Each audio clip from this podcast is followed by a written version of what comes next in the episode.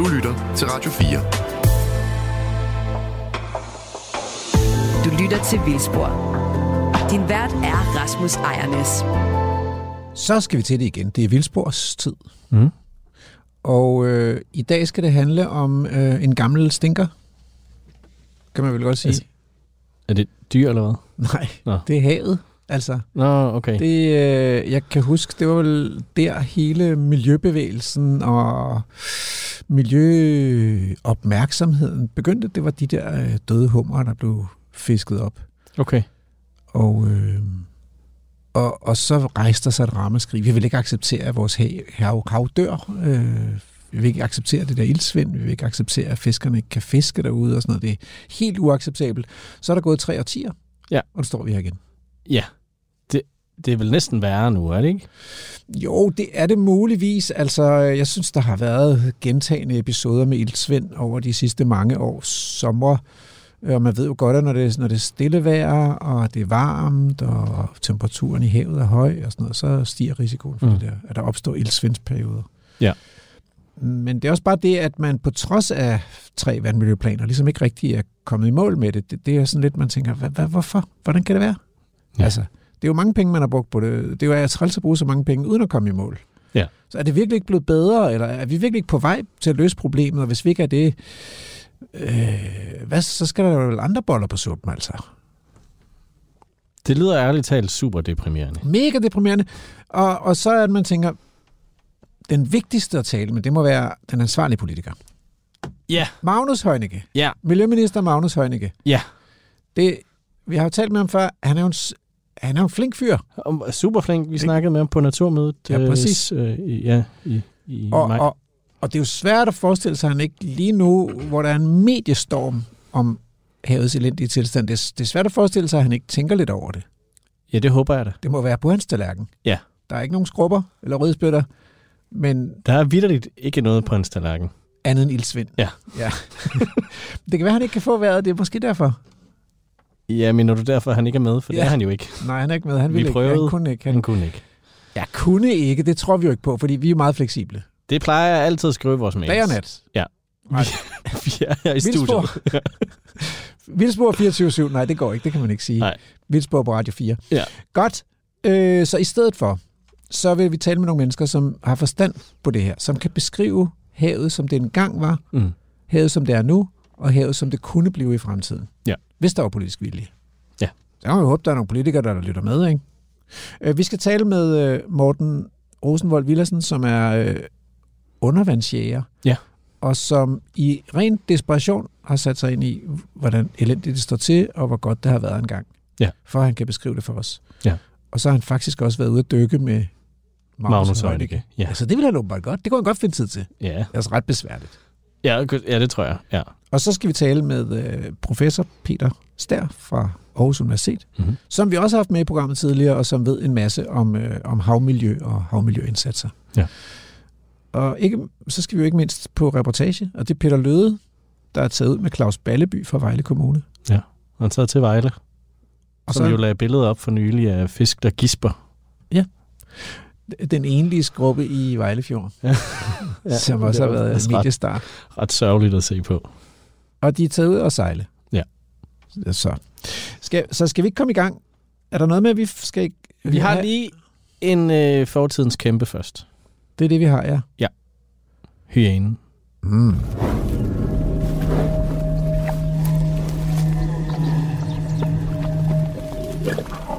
Nu har du ikke flere vilde dyr. Det kan jeg simpelthen ikke forestille mig, Bjarne. Jeg har masser, men øh, skal vi ikke tage hyænen?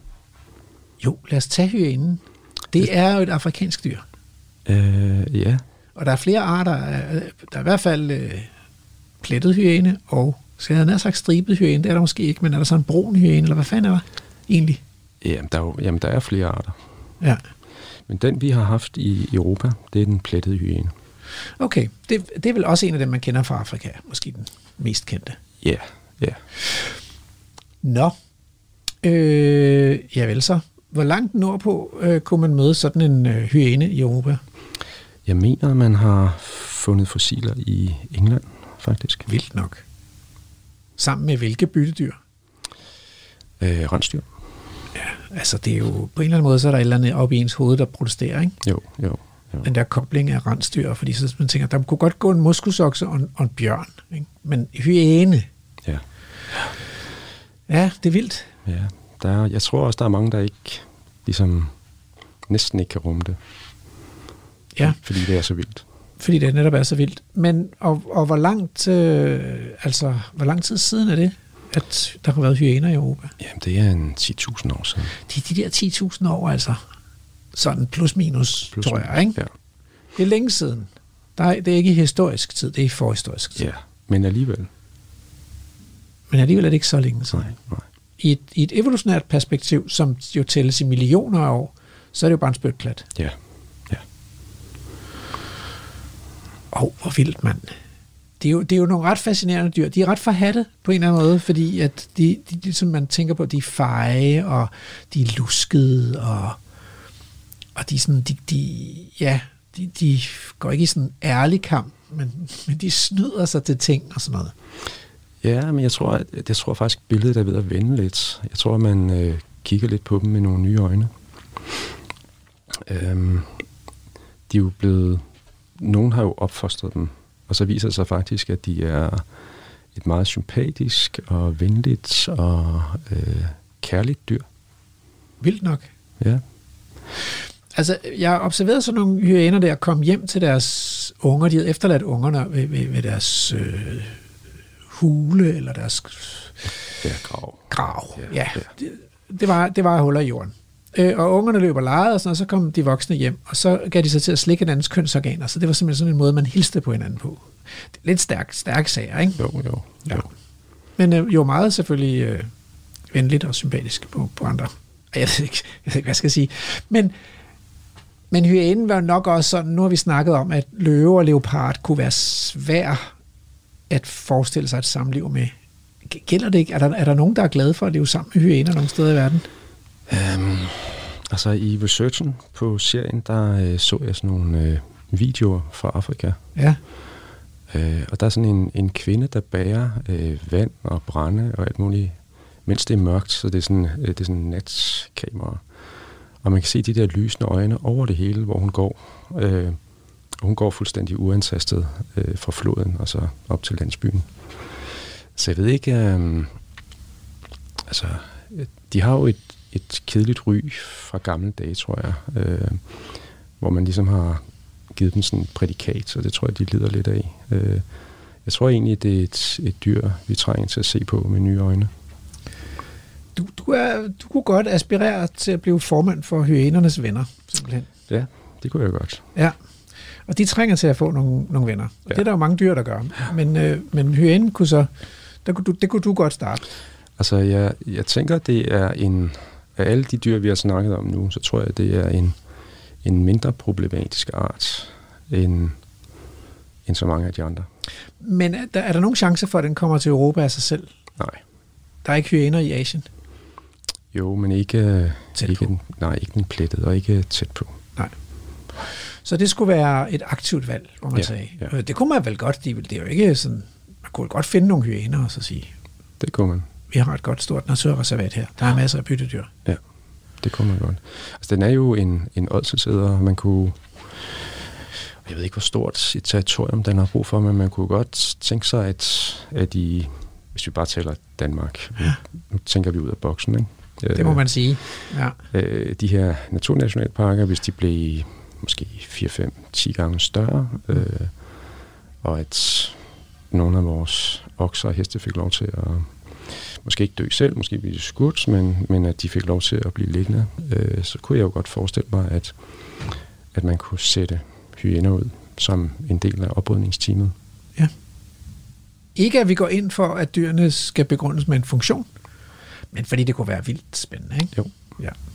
Og det er jo en... Altså man kan selvfølgelig sige, at de hyæner, vi har tilbage, er jo ikke, hvad skal man sige, den type, som vi havde i Europa. Det er den samme art, Mm. men det er ikke den samme type. Mm. Øh, der er jo noget klimatilpasning. Øh, men jeg tænker over tid, så vil den måske kunne tilpasse sig. Der er virkelig mange af de her spørgsmål, som vi ikke har et klart svar på, og som man får lyst til at prøve af. Mm. Ja. lytter til Vildspor på Radio 4.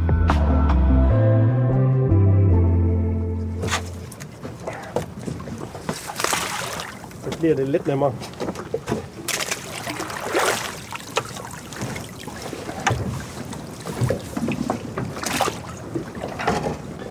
Men det kræver nok alligevel, at du tager et langt skridt. Det ved jeg ikke, om du kan med det der. Jeg, øh, jeg prøver. Kan man godt bare balancere på den? her? ja, det kan Jeg tømmer lige båden for vand til at starte med. Det har jo regnet. Ja, det er jo det.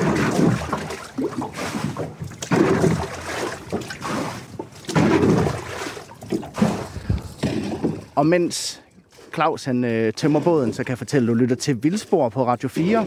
Vi er i dag taget et smut ud på Vejle Fjord, fordi vi skal ud og se på, hvordan tilstanden er ude under havets overflade. Og øh, det er jo noget, man har arbejdet ret meget på at forbedre her i, i Vejle Kommune, hvor man har det her Sundfjord-projekt. Og vi skal høre lidt om erfaringerne derfra, og så skal jeg så også tage en status på, hvordan det egentlig står til med fiskene herude. Der er jo den her famøse skrubbe, som øh, måske er Danmarks mest ensomme fisk, som Claus var en af dem, der øh, dokumenterede, altså levede stort set helt alene i fjorden tilbage i, i foråret. Så det, øh, det glæder mig til at se nærmere på, Claus. Jamen, det gør jeg egentlig også.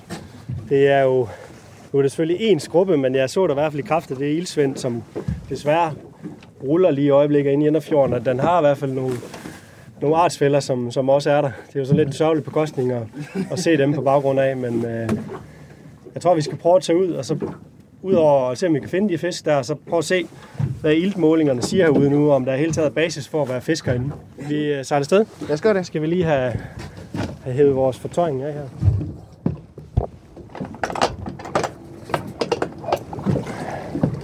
Skal du passe på, at du ikke får det her. Den er stadigvæk fat her.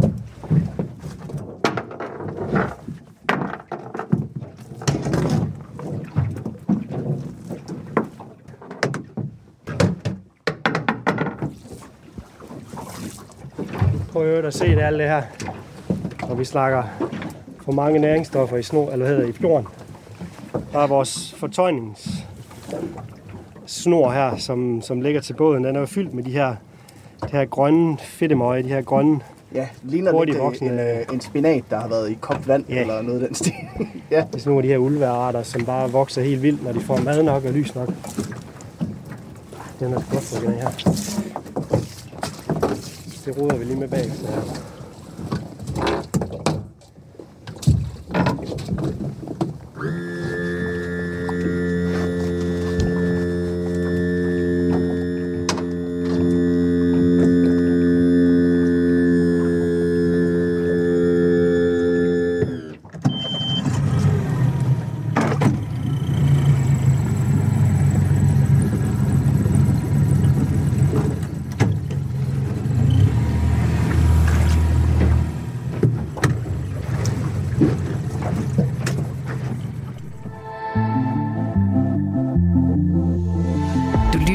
Vildspor på Radio 4.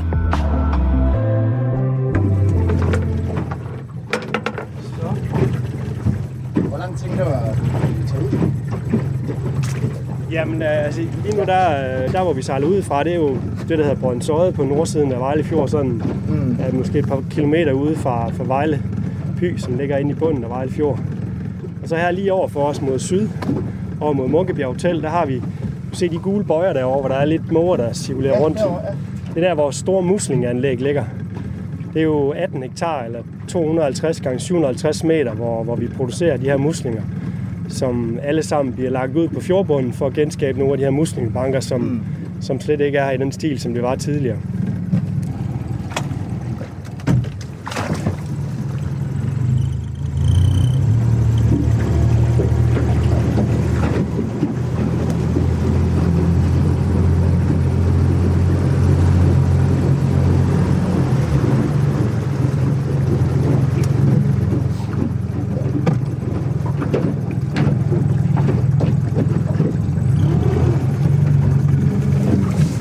lige slukke for den her, så det ikke...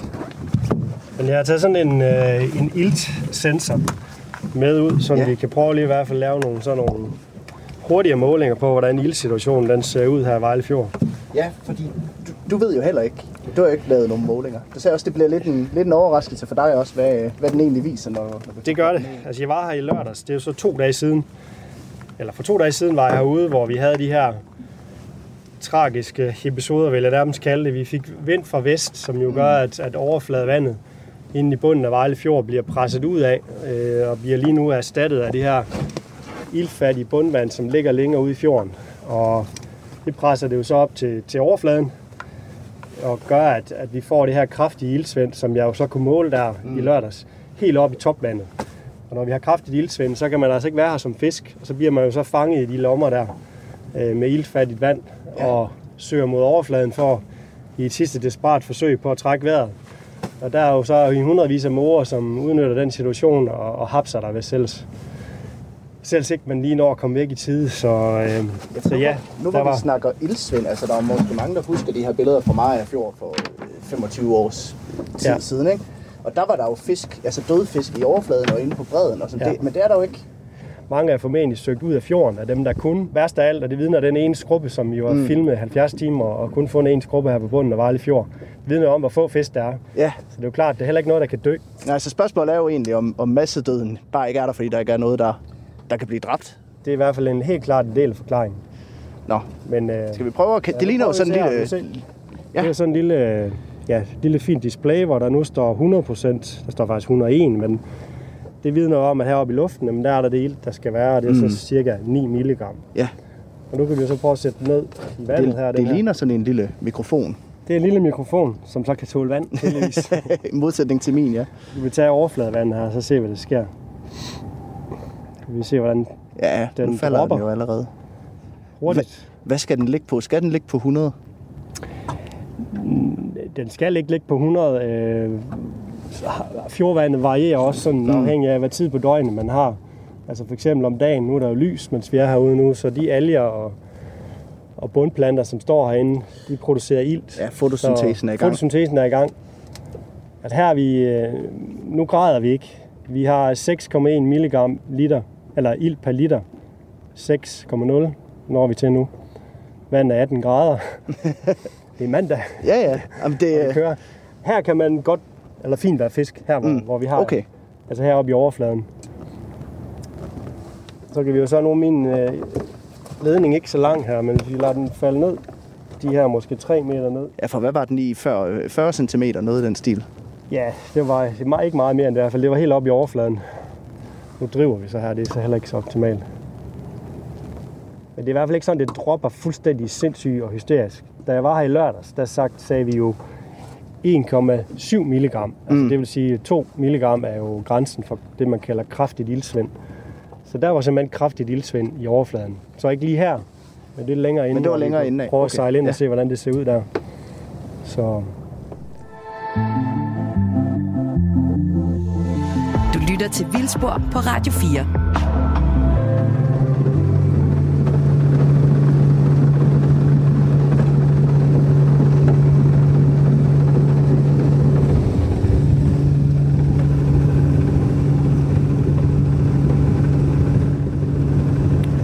lytter til Vildspor, hvor vi i dag er taget smut ud på Vejle Fjord sammen med biolog Claus Balleby fra Vejle Kommune. Vi er ude, fordi at, øh, vi er ude og se på, hvordan det egentlig står til med fiskebestanden. Det er jo sådan, at øh, en stor del af de indre danske farvande er plaget af ildsvind, og det har Claus altså observeret med sine egne øjne senest i lørdags, hvor han var ude. Det er, øh, der er vi på vej hen nu for at se, om der stadigvæk er en, øh, en vandgrav derude. Og øh, vinden den blæser godt i, øh, i, øh, i mit ansigt. Jeg kan næsten ikke øh, se noget frem her, mens vi øh, sejler under Vejle Fjordbroen.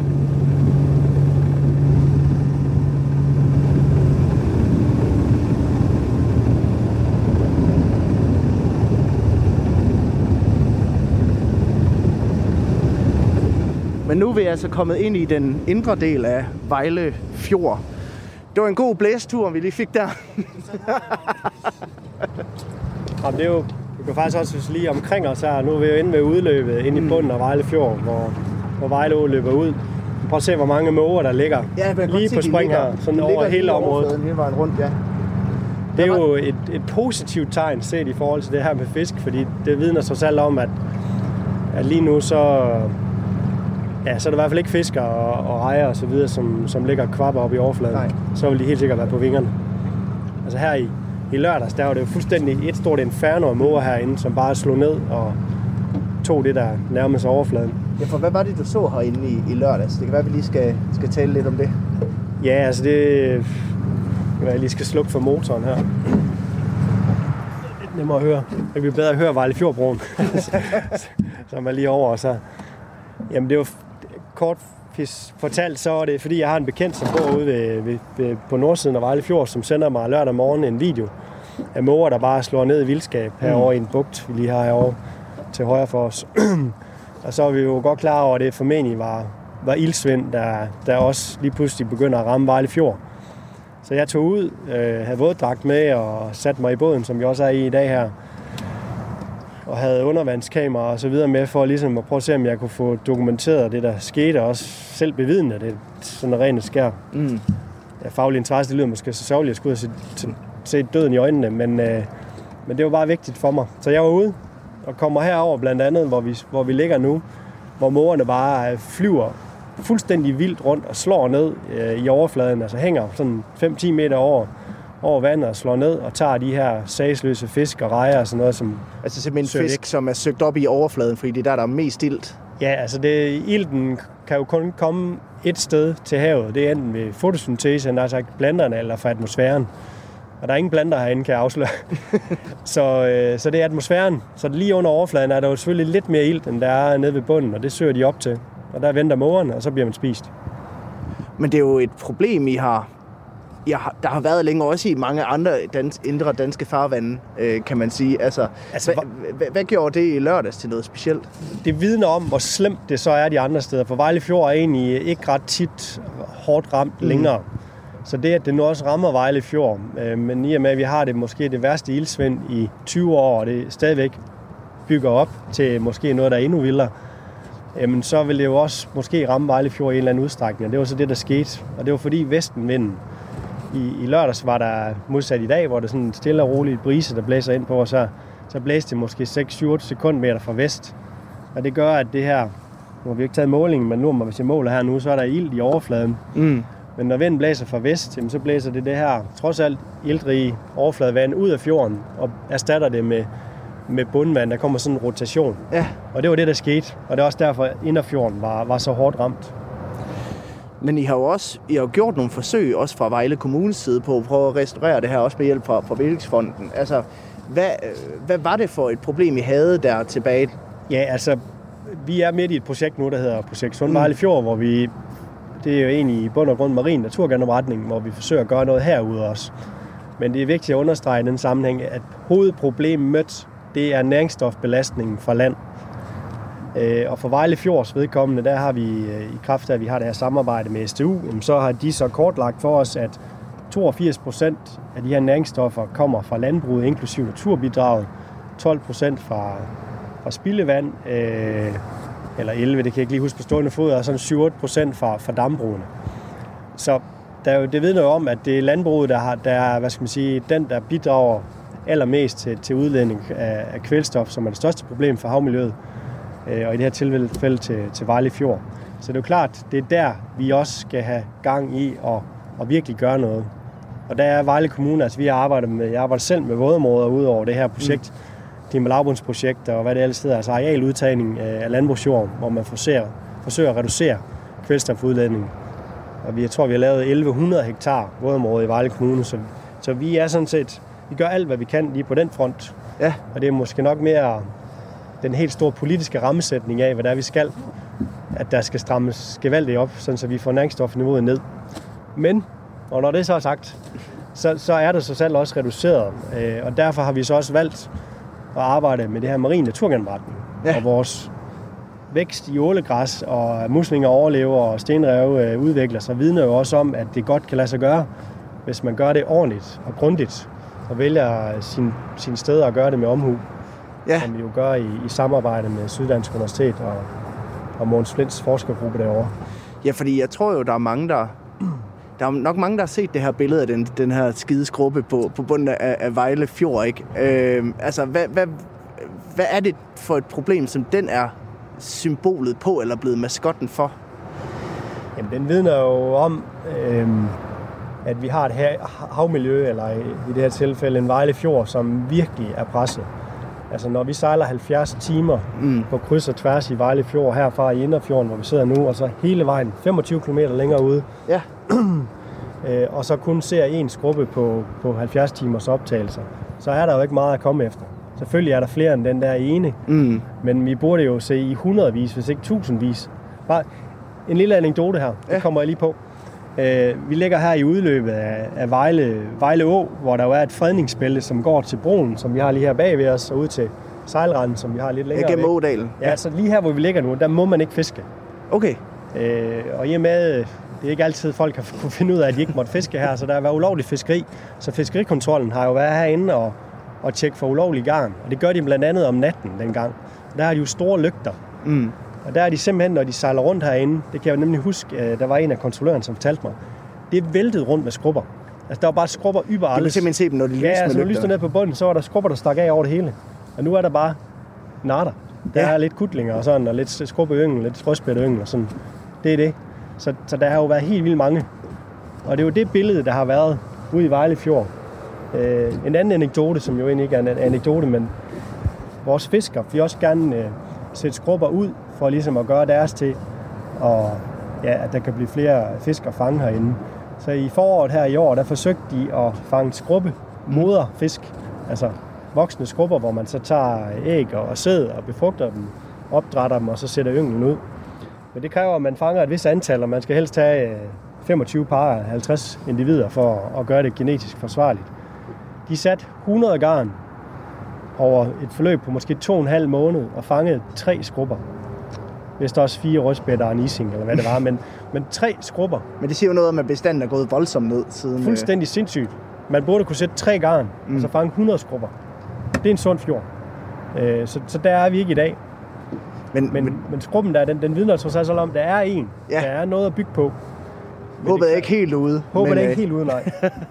og heldigvis for det. Det bliver vi nødt til at holde fast i.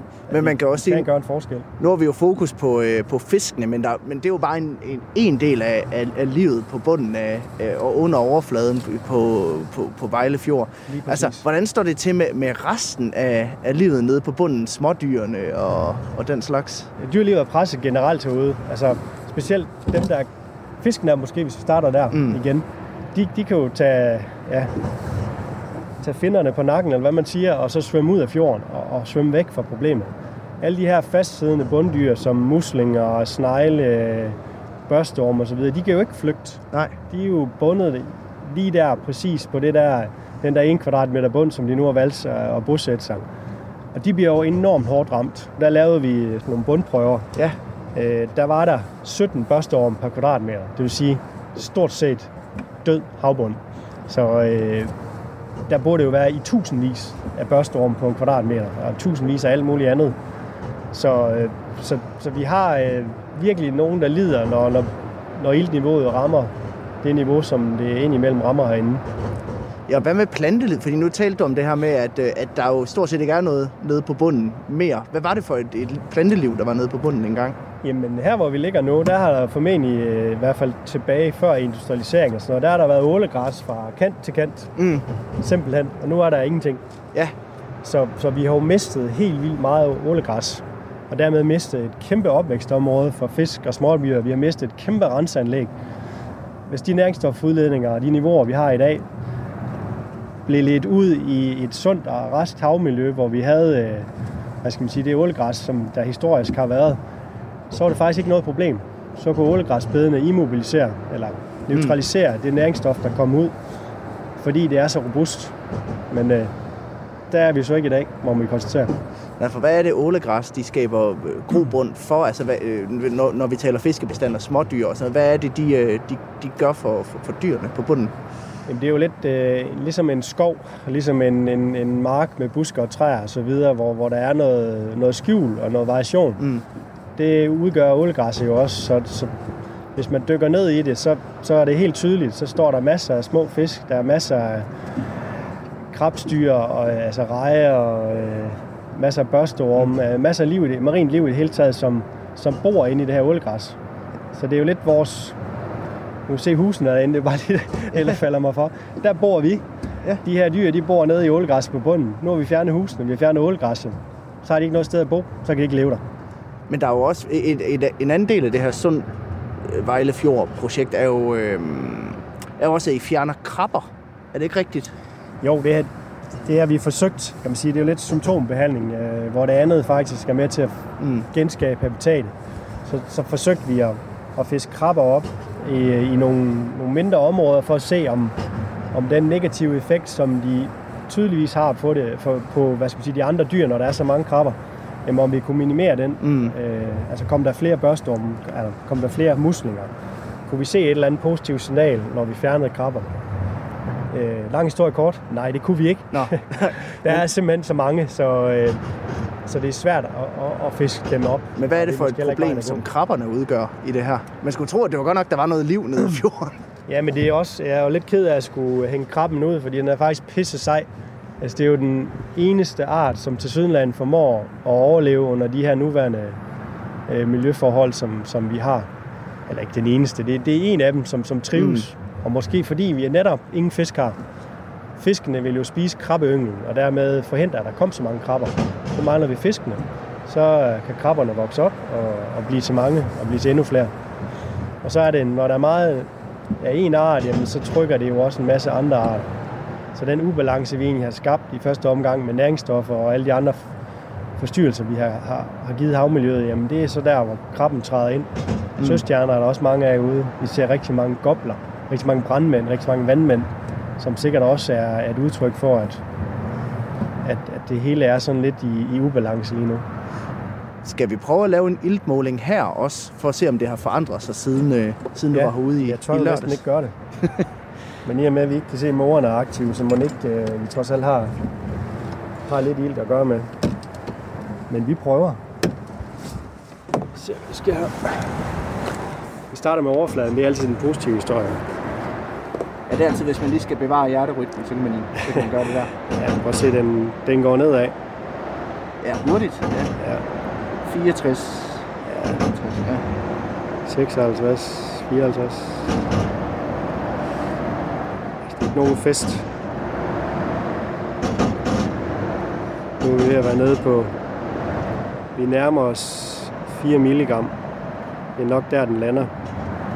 Det er jo så på nippet til... Mm. Ja, der røg den så under. Øv, bøv. Ja, øv. Ildsvind. Så selv heroppe i overfladen nu, der har Ja. vi øh, moderat ildsvind, men det er dog, der er dog næsten to-tre gange så meget ild i vandet nu, end der var her forleden. Men det er stadigvæk... Så, og ja, det er skidt. Men det er Altså, også det- midt det på duer dagen, og det er en, en Ja. nogenlunde solskinsdag, ikke? Ja, og vi, vi er lidt glade, og jeg ved snakke hvad. Nej. Vi kan prøve at lade den lige falde ned, så langt som vi nu kan her. Se, hvad den så siger til det.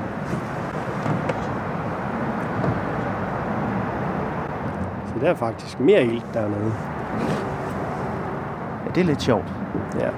Men det vidner jo bare om, hvordan herinde i Inderfjorden, nu har vi lidt vind her. Du kan faktisk også se, at der er sådan en blank Ja. strømstribe derude. Ja, på tværs af fjorden. Ja. Så, så den her opblanding, der sker herinde, den, den vælter lidt rundt på det. Så hvis der er nogle lommer med meget lidt øh, ilt i vandet, altså iltfattigt vand, jamen, så vil det jo blive blandet med nogle måder, der måske er lidt mere i. Og så får man det her udtryk. Men det er jo positivt. Ja, ja. Det er i hvert fald i forhold til al elendigheden. I hvert fald i forhold til, hvad du oplevede herude i, i lørdags. Altså, det er jo sårbart, fordi øh, nu melder de lidt hård vind her om, om to dage. Og øh, det gør jo bare igen, at overfladevandet kan blive Mm. svækket nok en gang. Og jeg tror som ikke, situationen langs bunden her længere ude, den er nok ikke bedre. Men, Så det er, vi venter spændt og krydser fingre for, at det ikke rammer os. men den, den varme sommer har vel også spillet en rolle i, i at forholdene er, som de er lige nu. Ingen tvivl om det. Altså klimaforandringer er jo også noget af det, der stresser det hele helt vildt. Altså vi har jo en overfladetemperatur, som dokumenteret i haven er 2 grader varmere øh, over de sidste årtier. Så, så vi, vi har jo en havtemperatur, som stiger. Med havtemperatur, der stiger, varmt vand kan fysisk indeholde mindre ilt end koldt vand, så alene det faktum gør, at der er mindre ilt. Plus til så også de her bakterielle processer, som nedbryder algerne, de går hurtigere. Så det bliver hurtigere frigivet næringsstoffer fra bunden. Øh, ildforbruget er stort fra, fra bakterierne, så, så det speeder det hele op Ja, og Så gør det er- ondt værre. så det er en ond spiral. Så det er det faktisk, ja. Så vi har mange opgaver. Vi skal have løst klimaforandringer. Vi skal have stoppet næringsstofudledning fra, fra land, og så øh, ellers i øvrigt tage os sammen. Skal vi prøve at, øh, at, at tage en turen videre? Så får du lidt uh, bumpy ride her. Ja, ja, men det gør ingenting.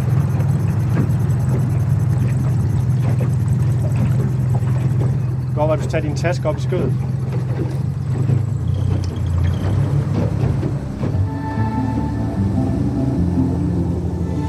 Radio 4. Ikke så forudsigeligt. Så øh, har jeg fået hul igennem til øh, Morten Rosenvold Villassen. Velkommen, Morten. Tak for det, Rasmus. Og øh, du er med, fordi altså i din egenskab af undervandsjæger. Øh, så det er sådan nogen, der tager øh, ud med snorkel og dykkermaske og harpun og ser, om I kan finde nogle fisk nede i havet. På overskuelig dybde går jeg ud fra. Og, øh, og derfor så, så kender du de danske farvande sådan, du har sådan førstehånds erfaringer og indtryk. Og vi har haft dig med før, men, og har talt om det her før, men altså lige nu, der er det hele jo eksploderet igen med ildsvind og fiskedød og stor politisk hurlum hej. Så kan du ikke lige opsummere for mig og lytterne, hvad er tilstanden for de indre havområder og fjorde i Danmark i dag? Jamen, Den er dårlig, øh, og det er jo set med mine øjne. Jeg kan jo godt læse rapporter, jeg kan godt kigge på grafer og kort og se, at det er farvet rødt alle de steder, miljøtilstanden er dårlig. Men jeg ser det også med mine egne øjne. Altså jeg ser, at bunden ser død ud, øh, stenene ser begroet ud på en måde, hvor jeg tænker sådan, hmm, det ser sgu noget fedtet og snasket ud det her. Øh, der, mangler, øh, der mangler fisk i det hele taget. Altså man svømmer rundt og, og vil gerne fange en fisk, og, og ser ikke de fisk, man så de samme steder for bare ganske få år tilbage. Så, så man kan sige, med mine øjne, så ser det rigtig skidt ud. Nu har jeg så øh, været inde på øh, Twitter her som morgen, og så faldt jeg over en tråd, du havde lagt op. En tråd om havet og den fantastiske rigdom, vi arrogant har tyret på gulvet og trampet på. Og så kan man læse om, hvor fantastisk det har været engang. Altså, kan du ikke lige tage os igennem nogle af hovedpunkterne? Hvad, hvad er det egentlig, vi har mistet? Øh, jo, det kan jeg godt. Altså, vi har mistet et funktionelt økosystem med en masse næring og en masse liv bundet i en masse levende væsener. Øh, forstået på den måde, at vi har haft store stimer af torsk, og vi har haft dem i stort set alle vores indre danske farvande rundt omkring. Vi har haft hård bund af hestemuslinger, blåmuslinger, sabellejerrev, som jeg måske skal forklare lidt, hvad er, men, men det er alt sammen noget, som ligesom, hvor vi i Danmark tænker, at vi har sådan en blød mudderbund, så øh, hvis man kigger tilbage, så har vi faktisk haft en hård øh, bund af, af levende skalddyr og, øh, og andre øh, levende væsener. Sten ikke mindst. Og så har vi jo altså haft øh, mange arter til stede, som så bare ikke er her nu. Altså det er ikke sådan, de er udryddet fra planeten, øh, heldigvis, men, men, men de er ikke i Danmark længere. Eller også er de i så lille grad, at, at det, er, det er, man kan sige, så forsvindende lille grad, at de ikke har en, en rolle at spille, og man regner ikke med dem. Men altså, nu jubler vi over tun og delfiner, og indimellem kommer der altså, sådan spændende nye arter, der kommer til Danmark. Så hvad, hvad, er det så, hvad er nogle af de arter, vi ikke længere kan håbe at finde? Altså, de store torsk er- er næsten umulige at finde, og, og, og skrub, skrubberne er væk fra Vejle Fjord og sådan noget. Men, men hvad er det ellers, altså, vi har mistet? Øhm, for eksempel helleflynder er et godt eksempel. Det er sådan en Øhm, kæmpe stor fladfisk, ikke? Det er verdens største fladfisk. Den kan veje et halvt ton. Wow. Den er virkelig, altså den kan være over to meter lang, og, og når den ligger på bunden, så er den altså ikke flad, så den kan jo næsten være 40 cm høj. Øh, så, og den er, har ligesom et, pelagisk hjerte i sig, et fritsvømmende, øh, selvom det er en fladfisk, der lever på bunden, så kan den ligesom gå op i vandsøjlen og nappe sig nogle store fisk, som den altså spiser. Det er en, det er en kæmpe rovfisk. Hmm. Øhm, og øh, de findes jo i Norge. Mm. Og øh, men på gamle udbredelseskort fra øh, Nordsøen kan man se, at de, de, vi har været til stede hele Nordsøen, og vi kan se gamle øh, optegnelser af fangster fra Kattegat og indre danske farvande. Vi har altså også haft de her fisk på, altså de har ikke været så gigantiske i Danmark, men stadig 100 kilo, det er stadig en rimelig stor fisk. Øhm, mm. Og øh, dem har vi altså haft i indre danske farvande, Kattegat, dernede omkring Djursland og Nordsjælland osv. Det, det har vi ikke længere. De er væk. Nu har jeg ikke været undervandsjæger, men, øh, men jeg har jaget øh, de bedste gourmetrestauranter og prøvet dem af. Og, øh, og, og jeg læste de bedste kogebøger fra de bedste kokke. Jeg ved, at Hellefløn er jo helt i toppen, øh, kulin, rent kulinarisk, ikke? sammen med, med pikvar og søtunge og sådan noget. Det er virkelig en god spisfisk. Det er det. Så det er jo det er det. Jeg har selv fanget. Ja, ja, ja, alene det. Altså, men der er jo masser af øh, god mad i havet, øh, øh, heldigvis, og, og, og det er der jo øh, for så vidt stadigvæk, men vi mangler simpelthen, altså fødekæden er ligesom blevet decimeret, ikke? Altså, mm.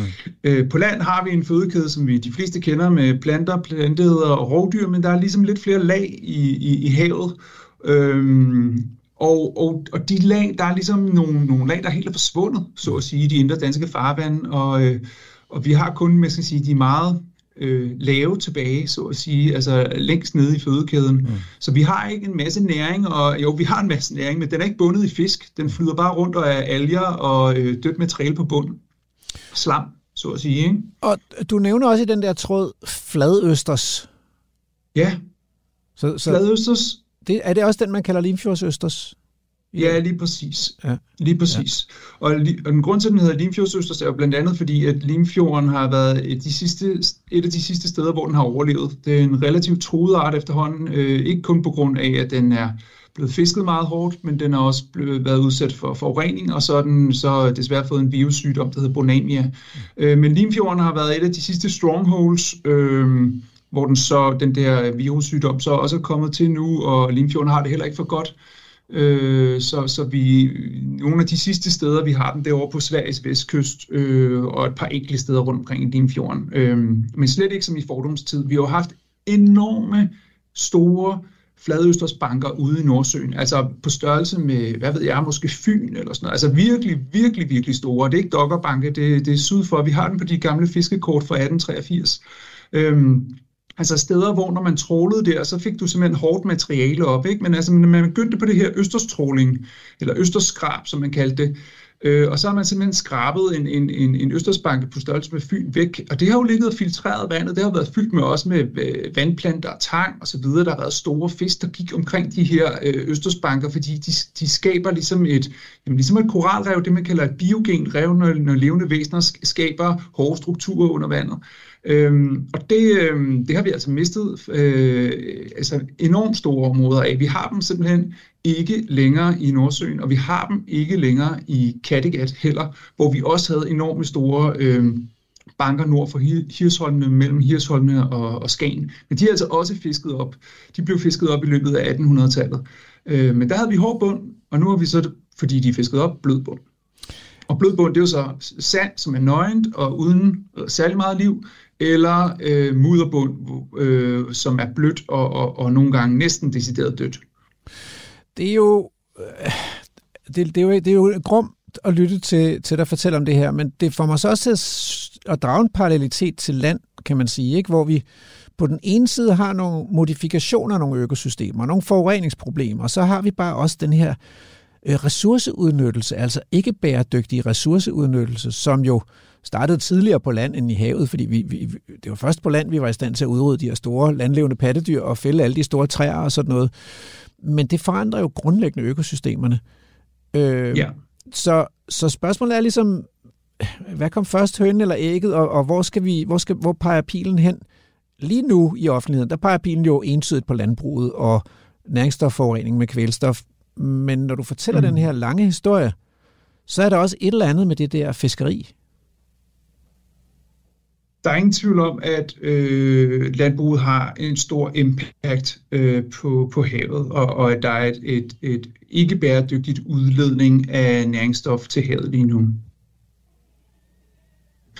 Men det, man skal huske på, det er, at, at vi har også øh, decimeret øh, fiskebestanden og påvirket havet i, i, i meget, meget lang tid i havet, og, øh, og gør det fortsat. Øh, og man kan sige, hvis man udleder næring til havet, så skal der jo være nogle øh, filtratorer, så at sige, som, som optager den næring. Det kunne være blåmuslinger eksempelvis. Men dem skraber vi jo inde i fjordene. På indtil, jeg tror det er 4 meters dybde, så må man skrabe muslinger mange steder i fjordene. Det er meget overvåget fiskeri, men at det overhovedet foregår derinde er øh, et stort problem, fordi det, det fjerner jo det, hvad skal man sige, biologiske filter, øh, som, som vandet øh, og det næringsrige vand burde køre igennem, øh, og så blive til, til biomasse.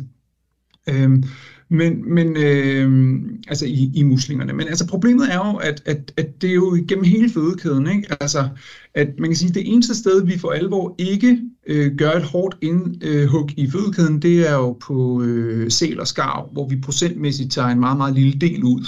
Og det gør jo så, at det, de vokser så uforholdsvis store, fordi vi alle andre steder øh, på, på de større torsk og mindre fisk og så videre, øh, og muslinger, så der, der, der fjerner vi en masse. Og så bliver det sådan en skæv øh, fødekæde med, med rigtig meget frit næring i vandet, rigtig mange grønne alger, der tager sollys og skygger ålegræsset væk, og, øh, og rigtig få øh, skalddyr, øh, fordi de enten ikke kan leve der på grund af miljøtilstand, eller fordi de konkret er skrabet væk, og rigtig få fisk, fordi de er fisket væk.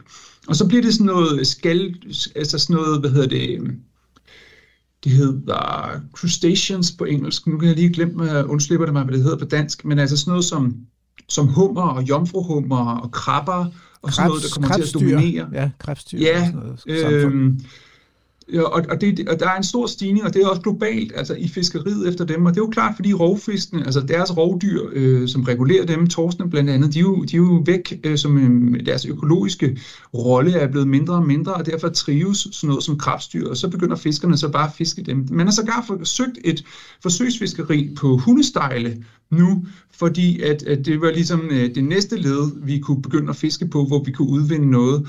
Og der må man altså på et eller andet tidspunkt tage sig til hovedet, hvor man tænker sådan, okay, altså, hvor langt ned i den her fødekæde skal vi, øh, altså, fordi det jo handler om at forvalte en naturressource bæredygtigt, sådan at der bliver flere og flere fisk, at øh, miljøtilstanden bliver bedre og bedre og bedre, og det kræver altså noget modhold. Det kræver, at man øh, som både politiker, øh, måske særligt som politiker, altså ligesom kan bestå den der skumfidus-test, hvor man siger, hvis du vil være at spise skumfidusen nu, men venter lidt, så får du to. Og det er der, jo, det er der nogen, der ikke øh, kan bestå den, og man kan sige, øh, når du ikke kan bestå den, så, så, så, ud, så fjerner du ligesom potentialet for, at der kan komme flere.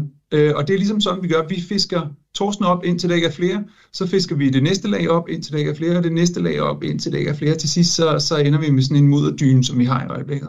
Og man kan sige, tunen, det er en bestået skumfidus-test. Der er man i EU gået ind og forvaltet øh, bestanden. Det er jo en international bestand. Den, den gyder et sted, det er en Gibraltarstrædet, der er på Middelhavet, så trækker den ud i Atlanterhavet og spiser stor og tyk. Og så tager den tilbage igen og gyder. Men det er en bestand, men den fordeler sig jo selvfølgelig over flere lande. Og der har man lavet en international øh, forvaltning, sådan at øh, landene holder deres kvoter, og det er en samlet kvote, man vurderer bestanden efter, og derfor går den frem. Den er meget kontrolleret, den er meget forsigtigt gjort, den der kvote, og vi kan se et boom, og vi kan forvente et endnu større antal tun næste år, og næste år, og næste år igen, så længe vi bliver ved på den her måde. Det er en bestået skumfidustest, og vi kunne gøre det med alle arter, men det gør vi ikke. Men, men Morten, altså, skulle man egentlig gøre det med arter, eller skulle man snarere gøre det med havområder? Altså, fordi, fordi der er vel mange arter, så, så skulle man ikke bare gøre ligesom, ligesom man også foreslår jo. på land, og som EU foreslår, få lagt nogle områder ud, der er strengt beskyttet, og hvor man ikke må fiske og forurene? Jo, jo, selvfølgelig skulle man det. Grunden til at snakke om arter, det er jo fordi, man sætter kvoterne på de enkelte arter. Mm. Øhm, så det er jo, det er jo øh, relevant at, at tænke på den måde, men, men, men selvfølgelig skal vi have øh, 10% beskyttet hav, og selvfølgelig skal vi have 30% beskyttet hav. Øhm, i de to kategorier, strengt beskyttet og beskyttet. Øhm, så, så det er der ingen tvivl om. Det vil også hjælpe en masse. Og vi har jo en masse steder, hvor der bliver trålet på bunden, og det ødelægger de bundsamfund, der er der. Altså hestemuslingerne, øh, søfjer og alle de sådan lidt, hvad skal vi sige, øh, længere levede, øh, længere levende øh, organismer, der er dernede, som måske står lidt op for bunden eller rager lidt op, de bliver jo altså de bliver jo, man kan sige, barberet, øh, når sådan et øh, bundtrål kommer forbi, og, øh, og det gør jo, at, at vi så ikke har de samfund, øh, altså af organismer, de steder, hvor der bundtråler, så det er altså desværre rigtig mange steder. For det er jo ikke kun danskerne, der bundtråler, det er jo, eller bundtråler øh, og bundtråler, det er jo også øh, udenlandske fiskere. Okay, Morten. Øh, nu, jeg vil godt øh, tilbage til den der skumfidus-test, fordi øh, du har jo været, øh, været ude og fiske med over overpolitikeren på det her område. Altså vores miljøminister, Magnus Heunicke, det er jo ligesom hans ressortområde, det her. Ikke? Øh, hvorfor tog du ud og dykke med ham? Jeg tog ud og dykke med Magnus Høj. Det var faktisk, det startede egentlig med, at jeg var ude og dykke med fødevare- og fiskeriminister Rasmus Prehn sidste år. Mm. Øh, og det var en stor succes, og jeg fik vist ham nogle ting, og vi fik en god snak om det. Jeg tænkte, okay, men det her det kan noget, det her med at tage en politiker med ud og vise dem havet, vise dem forskellen på en nøgen sandbund og, og stenrev osv. Så, videre. så mødte jeg øh, Magnus Heunicke til naturmødet her i maj, og, øh, og stak lidt til ham og spurgte ham også på Twitter, om han ikke ville med, og det, øh, så, så bed han til bolle og sagde, okay, det skal jeg også. Jeg tror måske også, det hjalp lidt, at jeg havde haft Rasmus Prehn med ude, og Rasmus Prehn, han prikkede også lidt til ham, om han ikke også skulle med og være med i klubben osv. Så, videre. så, øh, så, så det, øh, jeg synes, det giver mening, at folk kommer ud og ser det med deres egne øjne, øh, på samme måde som at... Øh, Ja, de fleste andre minister besøger jo også deres ressortområder ude i virkeligheden, så det skal øh, en miljøminister og havsminister selvfølgelig også. Nå, men hvor, øh, hvor tog I så hen, og, og synes du, blev han klogere af det? Altså han tog til Snækkersten, og han fik helt klart et førstehåndsindtryk af at have fedtemøg op i hænderne, og uh, se uh, alger, som er begroet med den slags alger, vi kalder fedtemøg. Og øh, han så en nøgen sandbund, og han så, hvad forskel der er af liv på en nøgen sandbund og et stenrev fyldt med øh, store øh, tang, øh, bevoksning og muslinger og ting og sager. Øh, jeg viste ham en stillehavsøsters, og jeg viste ham forskellige ting, hvor han siger, okay, men det, jeg kan virkelig se, øh, hvilken forskel et stenrev gør. Jeg tror, han var, ret, han var faktisk ret forelsket i det der med at svømme hen over et stenrev med farverne, strukturerne og masser af småfisk osv. Det, det, var, øh, det var virkelig godt øh, pædagogisk arbejde af Snækkersten Stenrev der med at vise sig frem for det bedste side i solskin. Mm. Fordi det, det, den fangede han lige, lige med det samme. Men, men hvad så? Altså, øh, hvad så nu? Fordi vi, vi, ja. der skal jo ske et eller andet. De der politikere skal jo gøre noget. Altså, øh, de er nødt til at gøre noget ved den her næringsstofforurening, som giver ildsvind, og, og de er også nødt til at gøre noget ved det her øh, overfiskeri og, og trål på havbunden. Ja, men det er det. Og, og der er bare ingen vej øh, udenom det.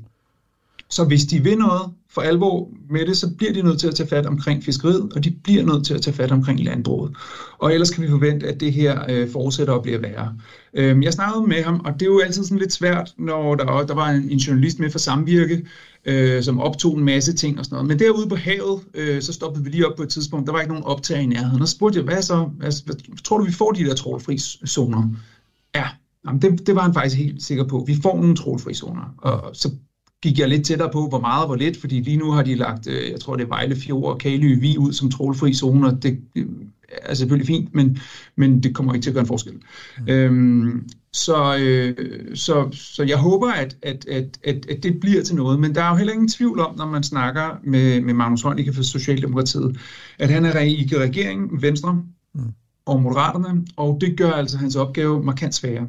Og Fødevare- og Fiskeriminister hedder Jakob Jensen og er fra Venstre, og det er jo faktisk i virkeligheden Fødevare- og Fiskeriministeriet, der har allerstørst impact. De har måske ikke allerstørst øh, hvad skal man sige, opmærksomhed og interesse, men de har allerstørst impact på øh, netop landbrugsudledninger og øh, fiskeriet, altså at det foregår bæredygtigt, både med hensyn til metoder og mængde. Men man kan jo godt synes, at vi lever i et demokrati, og, og hvis man optæller, hvor stor en del af vælgerne, som er aktive landmænd eller fiskere og erhvervsfiskere, så er det jo en forsvindende lille del. Så hvordan kan de have så stor indflydelse?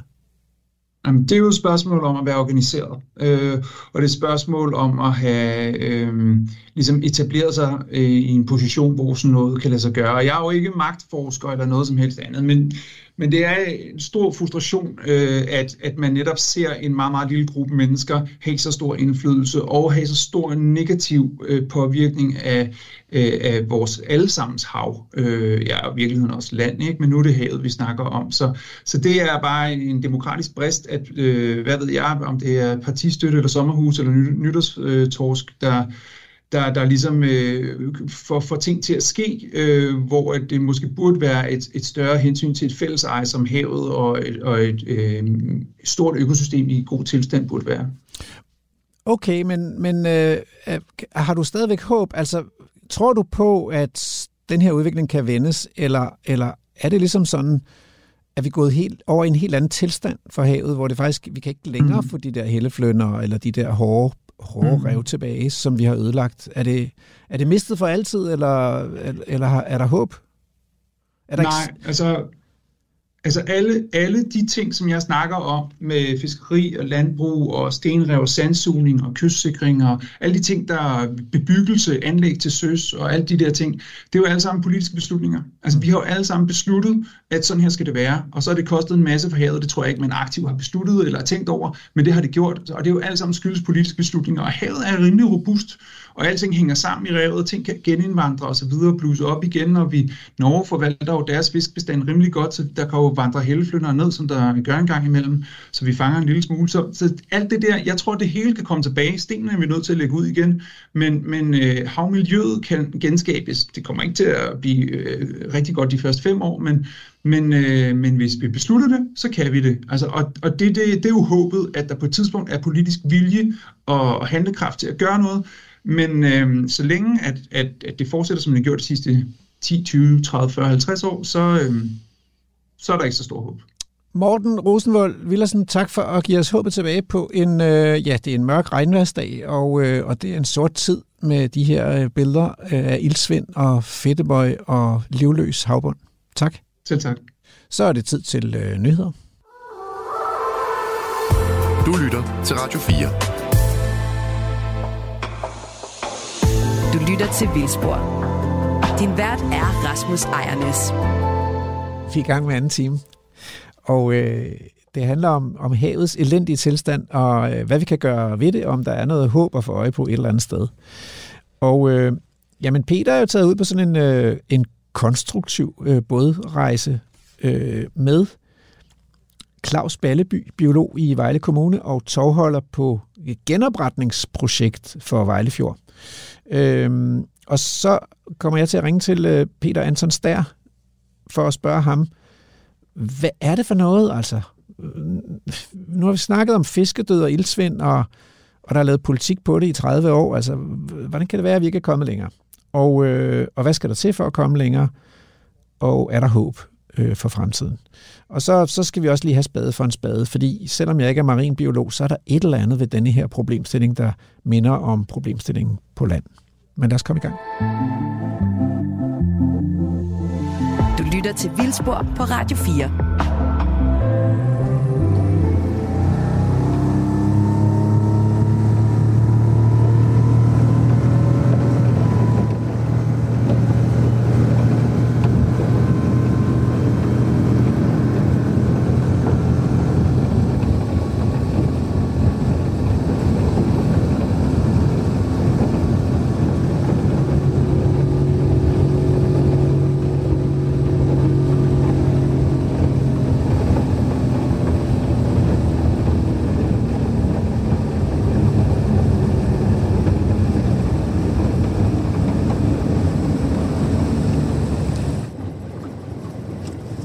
Det er så øh, i den vestlige ende af den her, det her store professionelle muslinganlæg, som jeg tager og ligger herude. Du kan lige se, der er en enkelt bøje, der stikker hovedet op der. Ja.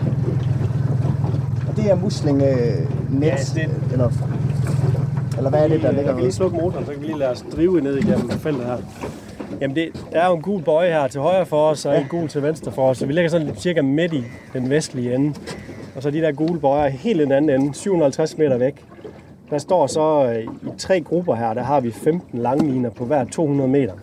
Så vi har i alt 45 langliner, som producerer. Altså det er sådan nogle lange gardiner, om man vil, som mm. bliver hængt ud, hvor, hvor de her muslingelarver i, i slutningen af juni sætter sig på faste overflader, i det her tilfælde vores anlæg. De sidder også på, på tang og sten og andre muslinger og ålegræs og alt det, der er fast overflade med. Og så vokser de så store og, og levedygtige nu her, øh, og vi er så faktisk lige nu i gang med at høst. Nu nåede vi det ikke lige her i dag, Nej. men det er fordi vores høstbåd den er længere ude. Ja, den er helt over i den anden ende Den af fjorden. øh, ude i yderdelen af fjorden nu, hvor den lægger de her muslinger ud på, på fjordbunden. Hvor de skal ligge og gøre deres til at, at gavne miljøtilstanden, og især i forhold til sigtbarheden i vandet er de jo gode, fordi de renser vandet. Ja. Det giver klart vand, som gør, at det ålegræs, der både er i fjorden, og det vi planter ud, jamen det får bedre øh, ja, livsvilkår og vokser hurtigere. Det er i hvert fald strategien bagved det. Ja, og altså, hvad er det for en rolle, de spiller i at hvad kan man sige, genoprette Vejle Fjord, de her muslinger? Altså helt overordnet set, så mangler Vejle Fjord, ligesom rigtig mange andre indre danske farvand, det mangler jo struktur. det mangler variation. Mm. Det er jo gået fra at være frodig øh, ålegræsbede, øh, tangskov, øh, små ministenrev, biogene rev i form til de her muslingbanker til i dag mange steder at være sådan lidt halvkedelig mudderbund, halvkedelig sand, sandbund i de bedste tilfælde, og måske stinkende mudderbund i de tilfælde, hvor, hvor vi har dybere vand, som vi også har her lige altså ude midt i fjorden her, hvor vi sidder. Så øh, muslingerne, de skal, det er biogene rev, som skal være med til at skabe struktur igen. Levested for, for rigtig mange andre dyr, mad til rigtig mange andre dyr, og som en, en tjeneste for os og, og for økosystemet, så er de også rigtig gode til at rense vandet og gøre Ja. det klart. Men det er jo et kæmpe område. De ligger jo helt derned til. Det er altså, pisse stort. Ja, det er gigantisk. Det er også, altså. nu er det lidt en skam, man ikke kan se bøjeren, for ellers så vil der normalt være lige knap 4.000 bøjer her, som den der, du har lige til højre. Sådan en lille... Altså simpelthen rundt i hele... Ja, altså det, det, det er sådan nogle bolde, sådan en halv stor fodbold, som Ja. er med til at holde linerne op. De vejer jo øh, sindssygt meget, de muslinger. Ja, Der er cirka 10-12 tons muslinger på sådan en enkelt line. men, men det er jo det er jo muslinger. Har man sat dem ud, eller, eller hvordan, gør man, hvordan fungerer det her genopretning med, med muslinger helt konkret? Jamen altså, det startede, hvis vi skal begynde der, øh, så havde vi jo nogle amatørfiskere, vores lokale fiskere, som vi lige snakkede med, inden vi sejlede ud her. Mm. det var dem, som også jo har et hjerte for fjorden, og- og de vil jo også gerne gøre noget, ligesom så mange andre gerne vil. Men i særdeleshed dem, fordi de ved jo godt, hvad det er, vi har tabt herude. Så de arbejder egentlig med muslinger til at starte med, og så nogle frivillige, hvor de selv øh, i, på de lange mørke vinteraftener sad og, og bandt nogle liner sammen, nogle muslingeliner. Øh, så i første mm. omgang er sisaltorv sådan noget forgængeligt torvværk. Og så var ideen så, at vi skulle vokse de her muslinger op, og så skulle man sådan skære torvet, og så lægge det ud på nogle, nogle steder, hvor vi gerne vil have muslingebankerne til at, så at komme igen. Øh, og det, det gjorde vi øh, ja, det første år i 2018, og det gik sådan set fint. Det gik faktisk alt for fint. Fordi de her stakkels øh, amatørfiskere, det af ældre dato, og selvom de ikke var, så var det jo pissetungt. Bare det at håndtere måske 20, 30, 40 mm. kilo over regling på en lille småbåd, det, det er et problem. Når man så har 10 tons, Ja. så kan man jo godt regne ud, at uh, puha, vi fandt ret hurtigt ud af, skal det her du, så skal det op i professionel skala. Og så tabede vi jo ind i det her Sund Vejle Fjord projekt, som jo officielt startede i, i 2020, hvor vi ligesom fik øh, skaffet økonomi fra Vejle Kommune og Veløbsfonden til at, at lave for det første en stor muslingeproduktion, men også lægge stenrev ud, mm. arbejde med udlægning af musling, øh, øh, ja, ålegræs, udplantning af ålegræs, øh, og så også fisk krabber op. Det er sådan så de fire konkrete tiltag, vi har. Men anlægget her, det er jo så et professionelt anlæg, Ja, som bliver drevet professionelt, og så giver 450 tons muslinger, hvis det går godt, og det tyder det på, at det gør i år. Så, øh, så det er jo, ja, og så, så bliver de så, nu kan se båden, den nærmer sig derude, den Ja. ja. er jo set ude i horisonten derude. De har jo så, øh, hvad skal man sige, høste muslinger op i deres lastrum, og så sejler de ud til de steder, hvor vi gerne vil have lagt dem ud, hvor de har et felt, hvor de så spuler vand ind i lastrummet, som så ryger ud igennem to så huller. den flytter sådan set musklingerne fra et sted i fjorden, fra herinde fra, og så derud, hvor, hvor man gerne vil have Ja, til altså større det- muslingepopulation. Anlægget er en måde at opformere rigtig mange muslinger og ligesom fjerne nogle flaskehalse. De er jo blandt andet ikke fødebegrænsede, når de hænger Nej, i 3D, om man vil, i stedet for lidt i 2D på bunden. Plus vi fjerner også nogle af de der øh, rovdyrs, altså søstjernerne vil gerne have dem, kraberne vil gerne have dem. Og det er jo noget, vi laver sammen med Syddansk Universitet. Det her det er vores partner i projektet, som alt er vidensbaseret. det er en form for havbrug, kan man sige, af, af Det er, muslinger. det, det er lige præcis det, der er.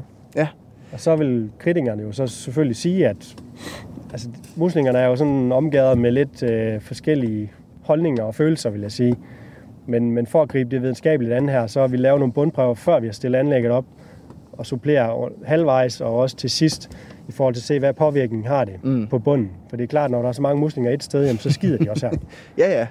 Og det er jo, det, det, man kan sige, det kan jo ikke undgå at ændre øh, forholdene i Vejlefjord, at den lige pludselig indfører så mange af et bestemt dyr.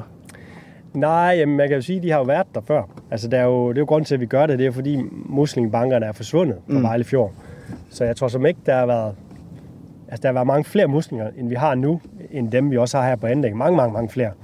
Så på den måde, så er det ikke, fordi vi bidrager. De er jo også med til at fixere Mm. kvælstof, øh, mens de vokser, og så bliver de jo så lagt ud på havbunden i det her tilfælde, og bidrager øh, til noget positivt i forhold til biologien, i forhold til at rense vandet. Men, men altså, det er jo, jeg vil sige, altså, i forhold til det at, at skulle tage det eventuelle aftryk, der er nede på bunden. Ikke at vi sådan kan se det, se det.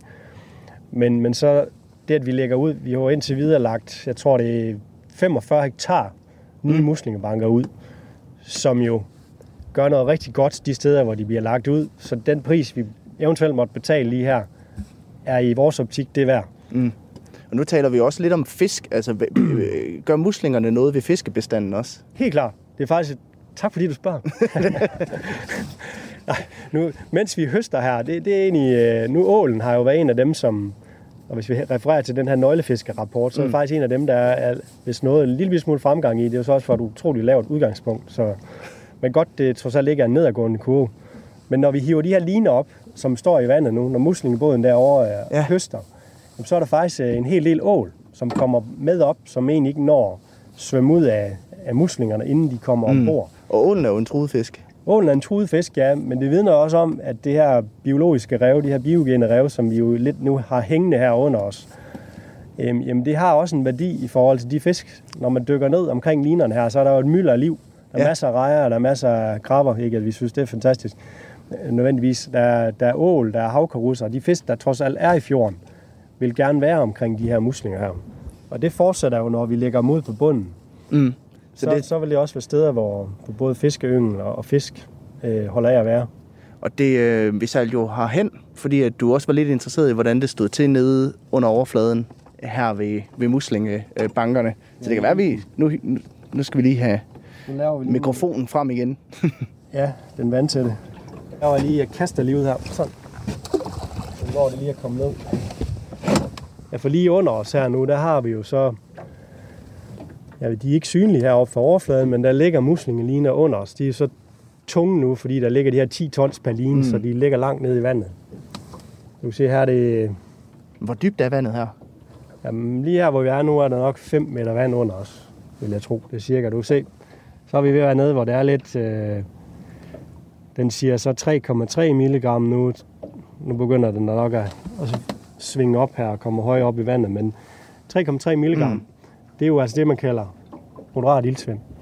Så, så ildforholdene er på ingen måde gode under os. Nej. Men i forhold til det at være musling, så er det nogle af dem, der er, er relativt robuste og godt kan, kan klare de her lave ildspændinger. Jo ikke i al evighed, men, øh, men i hvert fald for en periode. Men det niveau der, det er ikke noget problem for dem.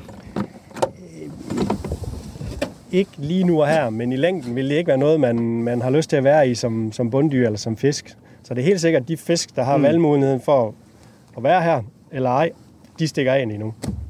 Og er formentlig stukket af og forsøger at finde nogle områder, hvor der er mere ilt. Blandt andet oppe i overfladen eller kystnært, som vi jo lige målte på før, hvor der var egentlig okay. eller længere ude i fjorden, hvor der måske er nogle andre områder, hvor der er lidt mere ilt. Så altså, det er tydeligt, det der det er ikke, det er ikke sundt. Og det her det er jo midt på dagen, Ja, hvor der burde være meget ilt. det burde være nu, at det, at det Ja. var, var på sit allerhøjeste. Du lytter til Radio 4.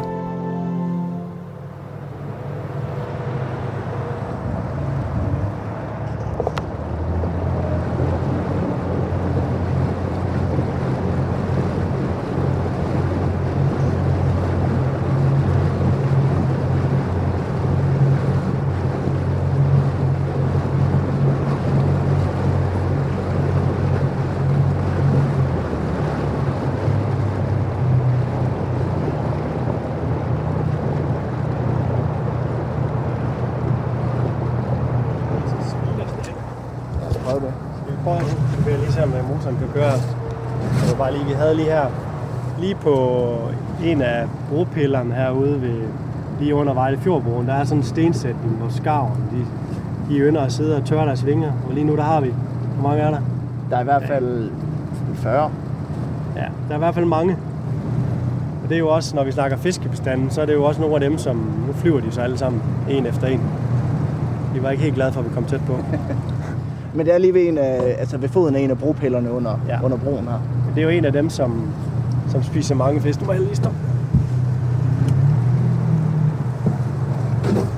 Det er jo, Ja, for den, Altså, er, det er jo, den er jo meget udskilt, når det også det kommer er jo til, en til fisk. fugl, som der er mange meninger om, og der er meget hjerteblod også forbundet med, med dem, som selvfølgelig har fiskene som kæreste eje, de synes jo, at det er træls, at de spiser fisk, og dem, som har fuglene som, som kæreste eje, de synes jo, det er træls, at de skal hvad skal man sige, være, være så udskilt, som de jo i hvert fald er i, i nogle kreds. Jeg skal ikke gøre mig til her over hverken det ene eller det andet, men man kan konstatere i hvert fald, hvis man kigger på det videnskabeligt, så, så er der mange undersøgelser. Nu senest en hernede fra, fra den sydlige del af Lillevand. Nå, Nu kan man virkelig høre de, øh, de letter derovre. Og man har nede ved Kalvø i Genderbugt, i den sydlige del af Lillebælt, der har man lavet en undersøgelse, hvor man har mærket jeg siger 2.000, godt 2.000 skrubber og 1.000 små torsk fra, fra 10 til 30 cm med et mærke, sådan, så man kan genfinde dem i, i gylp, så frem de bliver spist af skarv. Og så har man så scannet øh, den nærliggende ko- koloni ved Hopsø og fundet 25 procent af mærkerne igen. Og man regner med, at man finder ca. 40 procent. Ja. Det her det er så over en periode på, på 7-9 måneder, tror jeg det er. Så 25 procent af de her fisk, de er blevet spist. Ja, det tal kan du så gange med 2,5 mindst. Så vi er Mm. helt op på 60-70 procent, og lige om lidt, så sejler vi på pillen her, så det går lige bagud.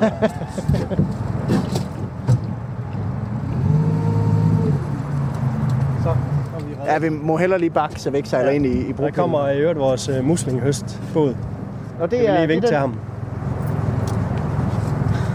Ja, det er SIF, som Vitrup Seafood ejer, og, og som står for høsten af vores muslinger. Nej, tilbage til skaven. Ja. Der, er altså, men det, det vidner om, hvor, hvor, hvor, hvor mange fisk de rent faktisk... Det er klart, det er en rov, rovfugl, som spiser fisk, så ikke underligt, så spiser det.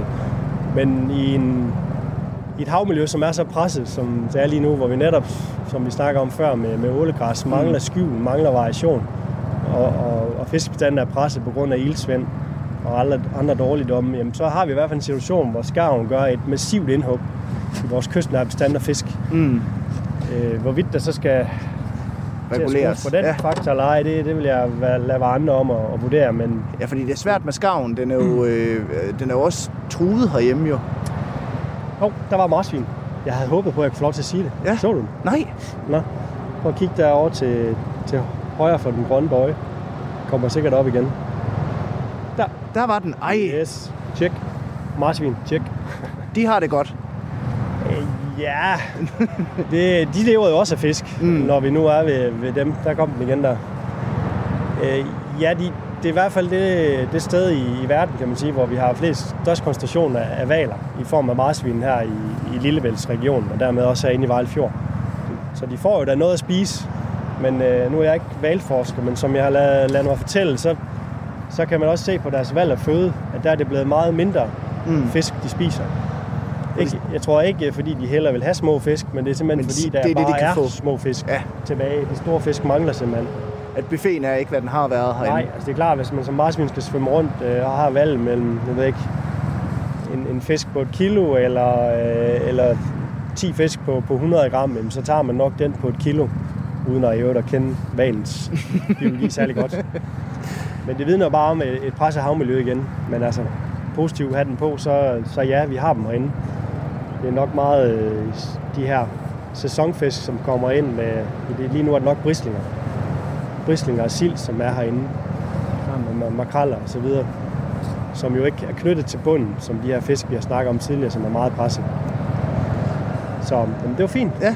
Det havde jeg også lidt Ja, håbet, det var dejligt vise dig, der lige var øh, øh, marsvin i Dyrløs. Men vi er på vej over til Vi var på vej over til ålegræsset. Jo, lige præcis.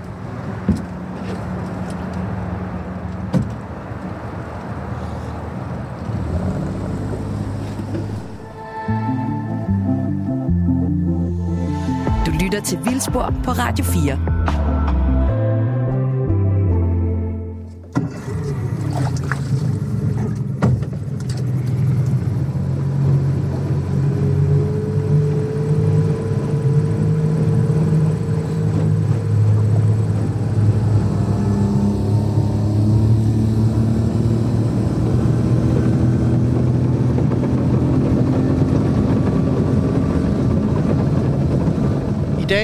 Vildspor, der er vi taget et smut ud på Vejle Fjord, sammen med Claus Balleby, der er biolog hos Vejle Kommune.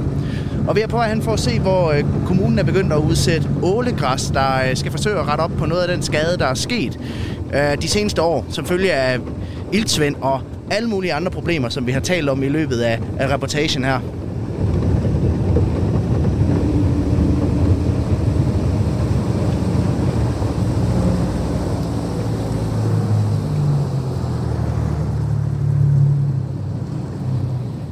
Så er vi jo næsten tilbage, hvor vi, øh, hvor vi startede. Ja, nu er vi lige øh, snart sluttet ringen her.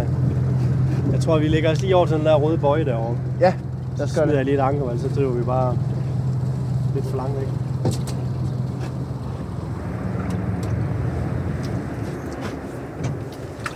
Så. Du kan faktisk se det her, hva'? Du ser ålegræs hernede. Jeg kan lige skimte det. Ja.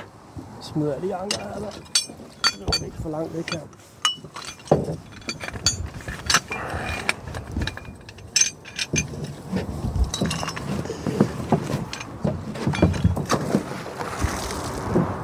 Så.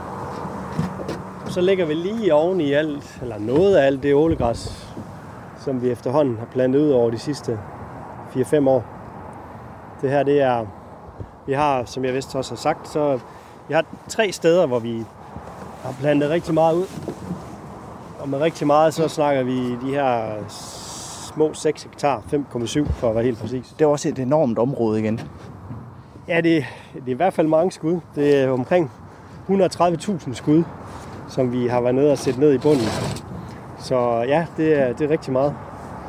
Men det, det fede, det er jo, at det vokser. Ja, Altså det er fordi, vi har gjort, gjort os umage med at vælge de, de rette lokaliteter. I, I det her tætte samarbejde med SDU, så har vi jo rigtig meget fagkundskab tilknyttet.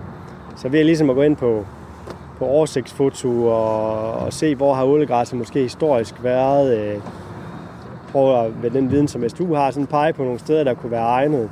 Så har vi jo så valgt øh, tilbage i 2018 fem og seks øh, lokaliteter, hvor vi så lavede sådan nogle små testplots, hvor vi plantede et, et mindre antal øh, ålegræsskud ud på bunden på de her 1-2 meter, som vi ligger mm. på her lige under os her. Og så har man jo så fulgt dem, og så ser om de er vokset, eller, eller de er døde. Øh, og vokser de, jamen, så er der jo grobund for, at vi kan, kan plante noget mere i, i stor skala. Øh, Og det er jo så det, vi har gjort, og det er blandt andet derfor, vi ligger her, hvor vi gør her ved Bybæk på, på nordsiden af Vejle Fjord nu, i den inderste del. Vi kan stadigvæk høre ja. Vejle Fjord-broen i baggrunden. Og man kan jo tydeligt se ålegræsset på bunden dernede. Ja, og her, lige her, hvor du står og kigger nu, for, hvad bliver det efterhånden, fem år siden, der var der bare barbund. Vi kan lige prøve at sejle lige 10 meter længere ind. Der er bare helt bar. Mm. Øh, ja, havbund med, med sand og, og mudret bund. Ja, nu kører, nu der, har vi- nu kører der et tog forbi inde på... Øh... Det er simpelthen så idyllisk her på Vejlefjord. Men hvordan sætter I det så helt konkret ned? Er I nede og, og plante det, eller, eller, eller hvordan gør I det? Ja, altså det er jo det er en meget øh, et eller andet sted møjsommelig proces, fordi ålegræsset, som det er i dag, så, så det, der, det er jo en blomsterplante, ligesom det græs, vi har til at stå på land. Så det har øh, frø, som det sætter her i løbet af sommeren og smider dem, og så er det jo egentlig meningen, at de frø de så skulle lægge sig et sted, hvor de så kunne spire og blive til flere planter. Men vores nuværende miljøtilstand, den, den, den er altså ikke skide god i forhold til den her frøspiring, den, den har succes. Så, så det vi benytter os af, det er, at vi egentlig ligesom, når man flytter planter hjem i haven, så tager man nogle få skud fra, fra en moderplante, i det, vores tilfælde et, et ålgræsbed herude i fjorden. Og så flytter man til et sted, hvor med meget lavere tæthed, til et sted, på, hvor der ikke er noget ålgræs, som for eksempel her, hvor vi Mm. står lige nu. Så det er sådan, jamen i tal, så, så er det omkring 30 skud, vi har på en kvadratmeter, der sætter ud i det her lille område, hvor vi bruger sådan en meters ring til at sætte omkring. Øh, og det bliver så til 5, 6, 700 skud i løbet af 2-3 vækstsæsoner. Så de vokser som, ja, som død helvede, for nu at sige det, hvis ellers betingelserne. Til trods for, at de bliver ramt af sådan semi-ildsvind, til trods for, at de bliver ramt af de her øh, epifyt, de her fedtemøg, som sætter sig på bladene, til trods for, at der er alger i vandet, som skygger det, så vokser det her. Men kan I så se noget, at, at området her, hvor, hvor I har plantet ud, er anderledes end, øh, end de andre steder? Kan, I se nogle forandringer Kan i det? derude, lige 5 meter. Ja. Så der er sådan en, en skarp Ja. kant fra sort til hvidt. Ja. Det er grænsen til det, vi har plantet ud. Så Mm. det er mudderbund derinde og ålegræs her.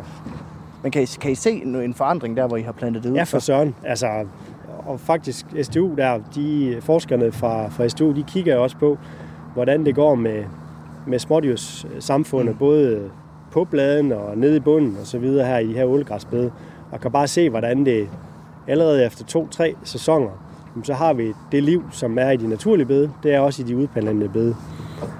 Så, så det virker. Ja. Altså det, øh, det er jo fedt. Altså, og ideen er vel også, at det skal sprede sig ind, mod, øh, ind bag den, den hvide linje derovre på et tidspunkt og, og, og længere ud af. Helt klart. Altså her var der stort set ikke noget ålegræs før. Det er der nu. De kan jo begynde at smide deres frø, når miljøforholdene bliver til det. Og udover det, så vokser de også de her sådan i, i yderkanten af bedet 20-30 cm, øh, når det går godt om året. Så det handler også om for os at plante så tyndt, som vi overhovedet kan, hvor vi stadigvæk tror på, at det i løbet af måske 8-10 år vokser sammen til det her store bed. Så har vi brugt vores, vores hvad skal man sige, energi bedst.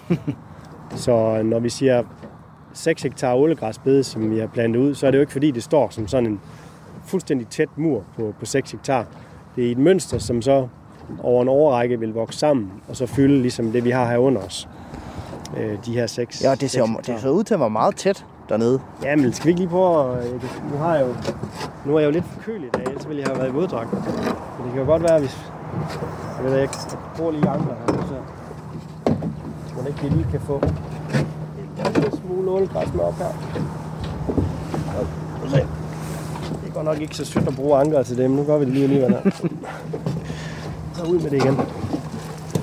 Altså nu er det jo efterår. Det er det også under vand. Mm. Så det ålegræs, vi har her, det er jo også begyndt at, at lige så stille at smide nogle af bladene. Og gå klar til, altså når det begynder at komme vind og lidt mindre lys og lidt mindre vækst, så, så smider det bladene, og man kan se de der store opskyld, der er inde på kysten. Men det her, det er jo hovedpersonen. Du kan også se de her, der har vi også dårligdom. Der står sådan med sådan et bunds ålegræsblad her, hvor, hvor noget er lysegrønt. Sådan skal det se ud, hvis ikke vi har haft øh, udfordringer med, med de her, altså for mange næringsstoffer, som så øh, fremmer det her fedtemøg. Og du kan se bladet, der har her i min højre hånd, det er så helt brunt. Ja. Og helt sådan næsten tæt besat af sådan en langhåret masse. Ja.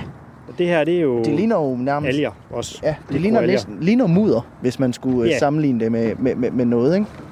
Men det er jo faktisk også, når vi snakker mudder, det er jo døde plantedele.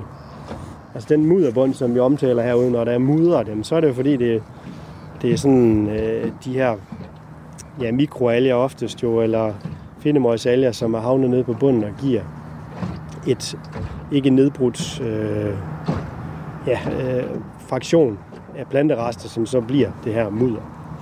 Så det her, og det er også det her, der det- står med på fingrene, det tager bare helt vildt meget ilt, så det det, er- det bliver nedbrudt af Det bakterier. er en af kernen til problemet. Det, det, Det her det er ildsvindets brændstof. Det står med det her fedtemøg i fingrene her. Nu har jeg jo Måns Flint på, på holdet her, og jeg får rigtig meget faglig viden ned på den der. De har simpelthen lavet undersøgelser med det her ålegræsblade med, som jeg står i hånden her. Ja. Det her ålegræs, når det bliver nedbrudt, så kan det ikke give ildsvind. Det kan det ikke. Nej, så når næringsstofferne er bundet i de her blade her, så er de låst der. Hvorimod hvis de er bundet i det her fedtemøg, som jeg har i min, min anden hånd her, jamen så bliver de måske omsat eller kører ind i den der cyklus 5, 6, 7, 8 gange i løbet af en, en sæson og kan gøre ondt hver gang, så det gør dobbelt ondt. Så vi skal have vores næringsstoffer bundet i Skal det bundet i ålegræsset. Og så, ikke i øh, fedtemøg. Så får vi et sundt havmiljø. Der var jo et skud her. Og se, og det er et skud, ja. Ja, det er jo så også. Det er jo så, det er jo så fra de grønne blade, der går ned i sådan et, en brun stængel. Ja. En rød stængel. Og det er jo noget af det, der virkelig kan lære kulstof også. Det her det er jo sådan en kæmpe måtte, der ligger under de her ålegræs. Store, sunde ålegræsbede lærer jo helt vildt meget kulstof. Ja. Så havets skov, det er på højde med, med skov i forhold til kulstoflæring. Om ikke bedre. Så det er også et plus ved ålegræs. Det fjerner fik- næringsstoffer, Og de det lærer kulstof. kulstof. Ja. Det er opvækstområde for, for rigtig mange fisk og smådyr. Øhm, og hvis du spørger fiskerne derinde, du har herinde, så vil de nok sige, at det er pisse irriterende, når der er meget af, fordi så går de i skruen på bunden. Ja, ja. Og man kan også se, at nu gik det i, i, øh, i ankeret, ikke? Ja. Men, øh, Så smider det ud igen her. men skal vi tage en sidste iltmåling herinde, og se, hvordan det så står prøve. til i den her del af, af fjorden? Nu skal jeg lige have skyllet det her fedte møg af fingrene.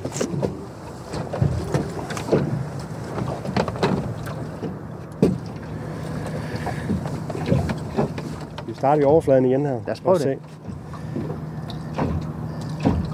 Ej, jeg vil tro, det er nok ikke helt vildt slemt her.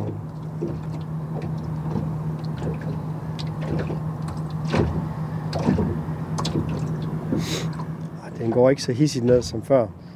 Nej, det er ikke det, det, er ikke det samme frie fald, som vi så tidligere. og går lige stille i ro her. Ja, omkring de der 6 mg per liter, det er jo ikke noget alarmerende som sådan i det heroppe i, i overfladevandet. Her var der igen sammenholdt med den anden dag, der var der kun knap 3. Så der er i hvert fald dobbelt så meget ild i vandet. Jeg ved ikke, hvordan det ser ud hernede over. Det er ramme ned i oliegræsset. Men det, er det så et, øh, er det så ålegræssets fortjeneste, at det øh, står knap, øh, knap så slemt til med, med ildsvindet her, som det gør andre steder? Ja, altså det, er jo, det kan det godt være. Altså ålegræsset, der er jo lys nu. Der er faktisk en lille bit smule sol bag, bag skyerne her. Øh, så ålegræsset har jo fotosyntese nu og producerer ilt. Det er jo deres restprodukt, mm. kan man sige. Så, så de vil helt klart være med til i hvert fald at øge det om dagen. Men omvendt om natten her, så er der jo ret stort ildforbrug. Så og øh, det begynder så småt at dryppe lidt, mens vi står herude midt på, øh, på fjorden. Så øh, det kan være, at vi skal bevæge os indad igen, Claus. Altså, jeg har regntøj på og bader, så jeg er ligeglad. det, det, det, det er mere mig.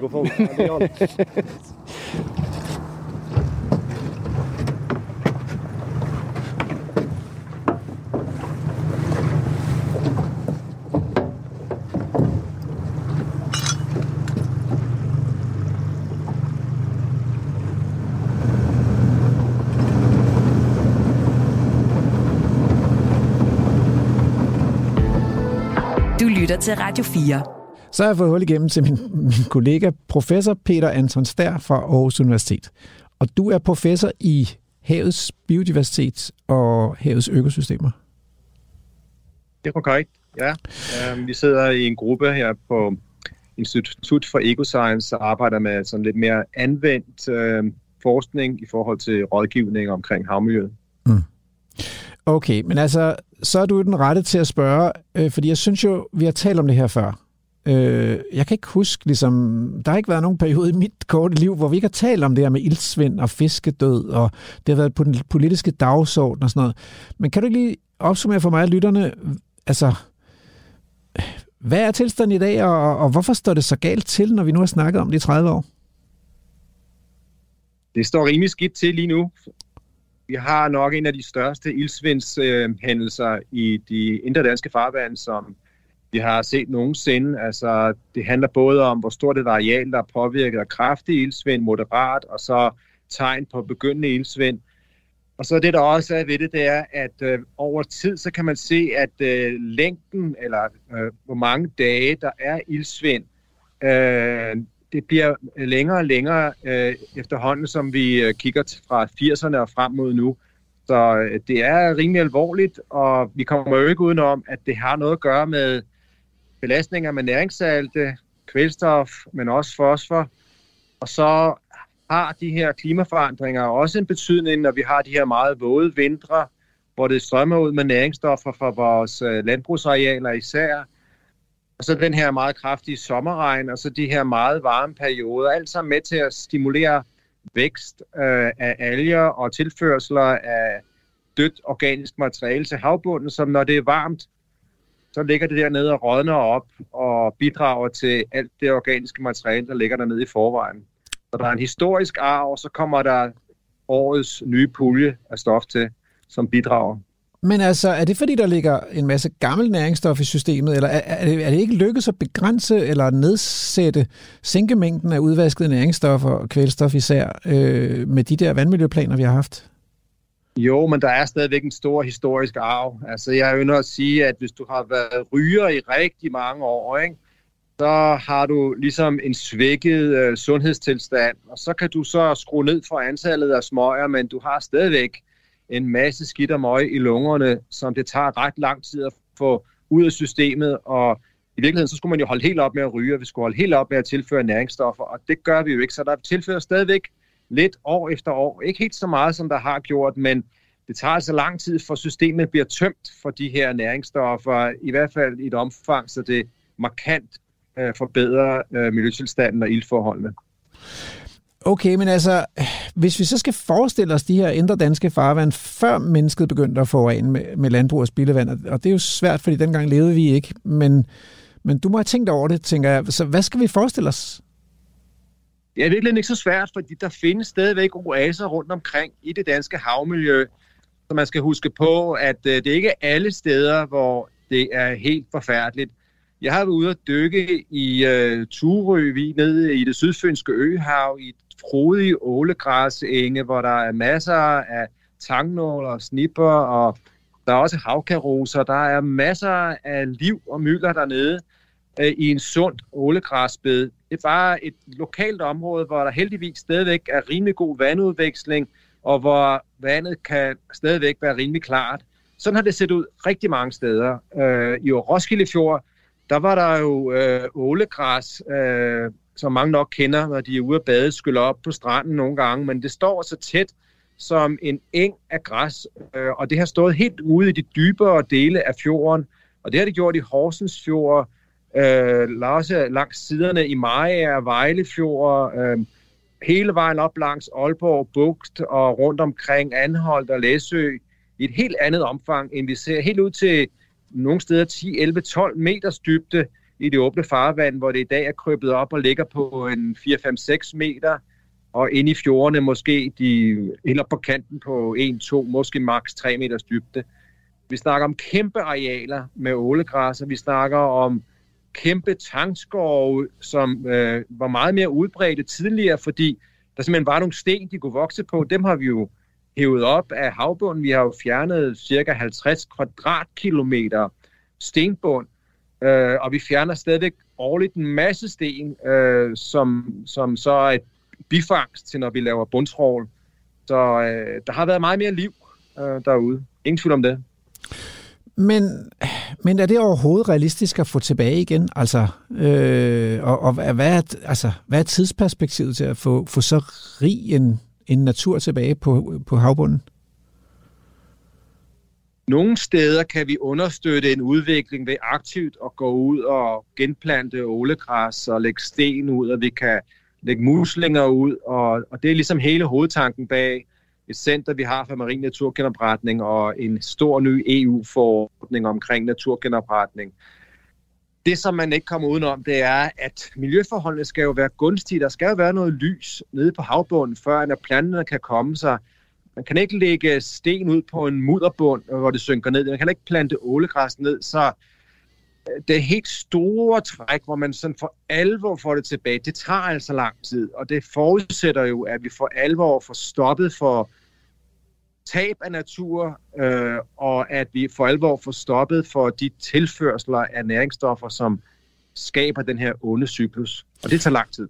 Og, og jeg synes jo, der har været fokus på de her næringsstoffer, fordi dengang jeg startede på at læse biologi, der kunne man jo også fortælle, at når man tilfører næringsstoffer, så sker der en algeopblomstring, og når algerne de falder til bund, så omsæt, bliver de omsat, og så, så bruger de ilten op.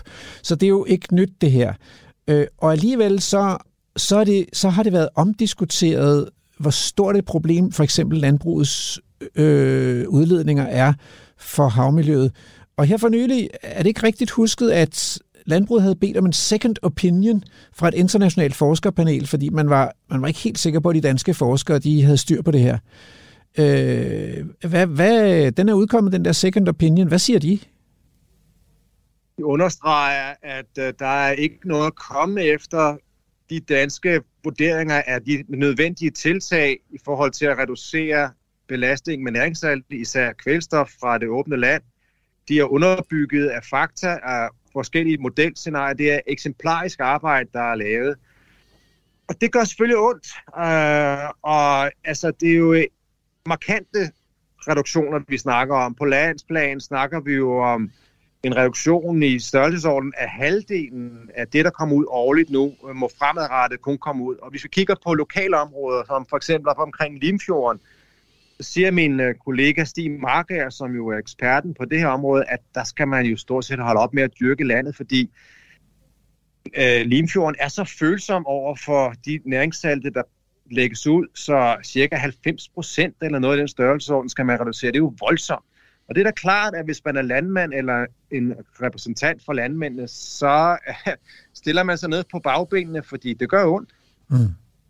Men, men altså, det er jo også en mega stor politisk hovedpine, fordi der er jo landmænd, der har investeret i deres dyrkningsjord, og hvis de skal holde op med at dyrke den, så skal de jo have erstatning. Så det bliver jo heller ikke, altså, det bliver, det bliver en dyr omgang, hvis, hvis man skal redde det. Så, så, så hvad er egentlig perspektiverne her? Altså, er der nogle steder, man skal opgive havmiljøet, eller, eller skal man helt forestille sig en omtegning af det danske, det danske landskab? Vi er nødt til at i hvert fald prioritere anderledes. Altså det, som jo også skal huske på, det er, at det er jo ikke uden omkostninger for vores økonomi og vores sundhed og samfundsøkonomi som helhed, når vi har et øh, lidende havmiljø. Der er også økonomi i havmiljøet i form af kystturisme, øh, fiskeri, og så er der også nogle andre aspekter omkring, at når du har udbredte for eksempel ålegræsenge, så er de med til at holde på havbunden sådan, at der er mindre erosion. Der er også et element af kystbeskyttelse. Vi kigger ind i en fremtid med et accelererende klima, hvor at øh, vi bruger rigtig mange penge på kystbeskyttelse, sandfodring osv. Så, så naturen, havnaturen leverer en række ydelser, som også er penge værd. Og, så det skal også med ind i ligningen. Altså, at øh, ja, det gør ondt på nogle landmænd, men hvis ikke vi gør noget, så gør det også ondt på samfundsøkonomien og på vores sociale helbred, vil jeg så også våge påstå, hvis ikke vi har et sundt havmiljø. Det øh, er der også en stigende befolkningsgruppe, der er afhængig af at komme ud i den friske natur og nyde den. Så der er mange måder at se det på. Så når vi taler ildsvind i dag, så er landbruget på en eller anden måde en hovedskurk og en hovednøgle også til løsningen. Men, men hvad med fiskeriet? Altså er det ikke også nødvendigt at regulere fiskeriet, hvis vi skal kunne få genopbygget nogle store og sunde fiskebestande og, og også en havbund med noget mere strukturel variation, der ikke bliver pløjet hele tiden af, af bundtrål? Der er ingen tvivl om, at vi har en ekstremt fragmenteret havnatur, hvor vi i nogle områder har øh, 10, 20, 30 gange, hvis ikke mere, på det samme areal, der tråles med meget kraftige redskaber hen over havbunden, som udover at fjerne dyr, også fjerner sten og materialer og er med til at gøre det til sådan en øh, ødemark. Øhm, og det øh, gør jo, at vi er også nødt til at se på og regulere det her trålfiskeri. Og i den sammenhæng synes jeg jo, at det er tankevækkende, at man gik bort fra at lave totalt forbud mod bundtrål i Lillebælt, for eksempel, som jo var en, et forslag, der var på bordet og pludselig blev taget væk.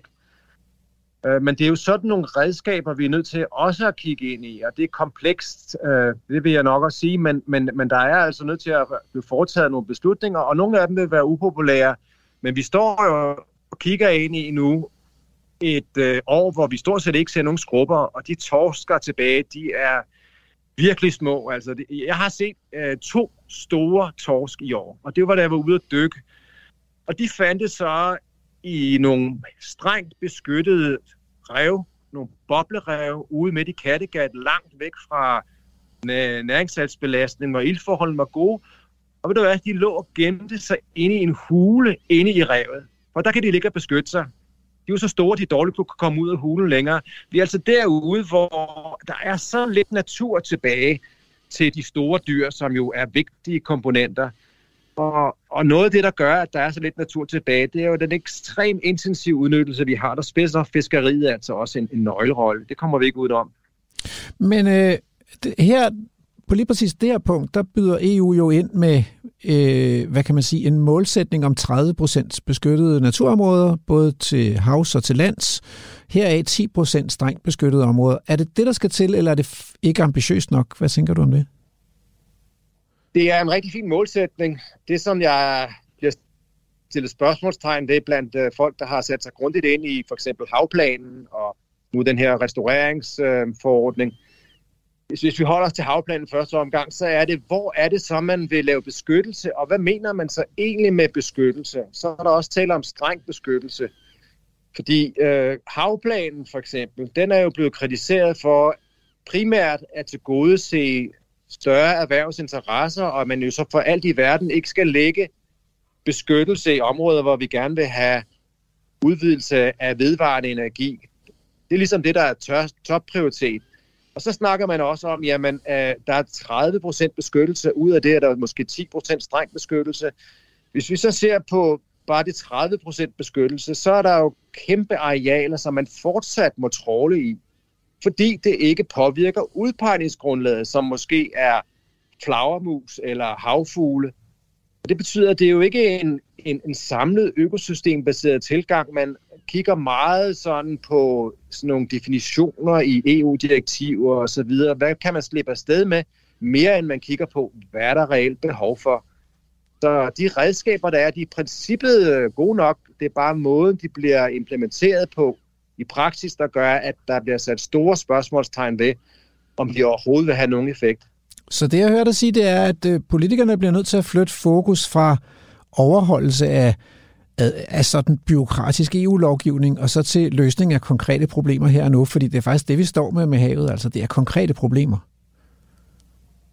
Politikerne står med en kompleks opgave, fordi vi skal jo på den ene side gøre os fri af Putins gas ved at udbygge vedvarende energi for eksempel. Hvor kan vi gøre det henne, så er det økonomisk rentabelt, og samtidig til gode se, at vi skal kunne udnytte vores havareal til fiskeri og så videre.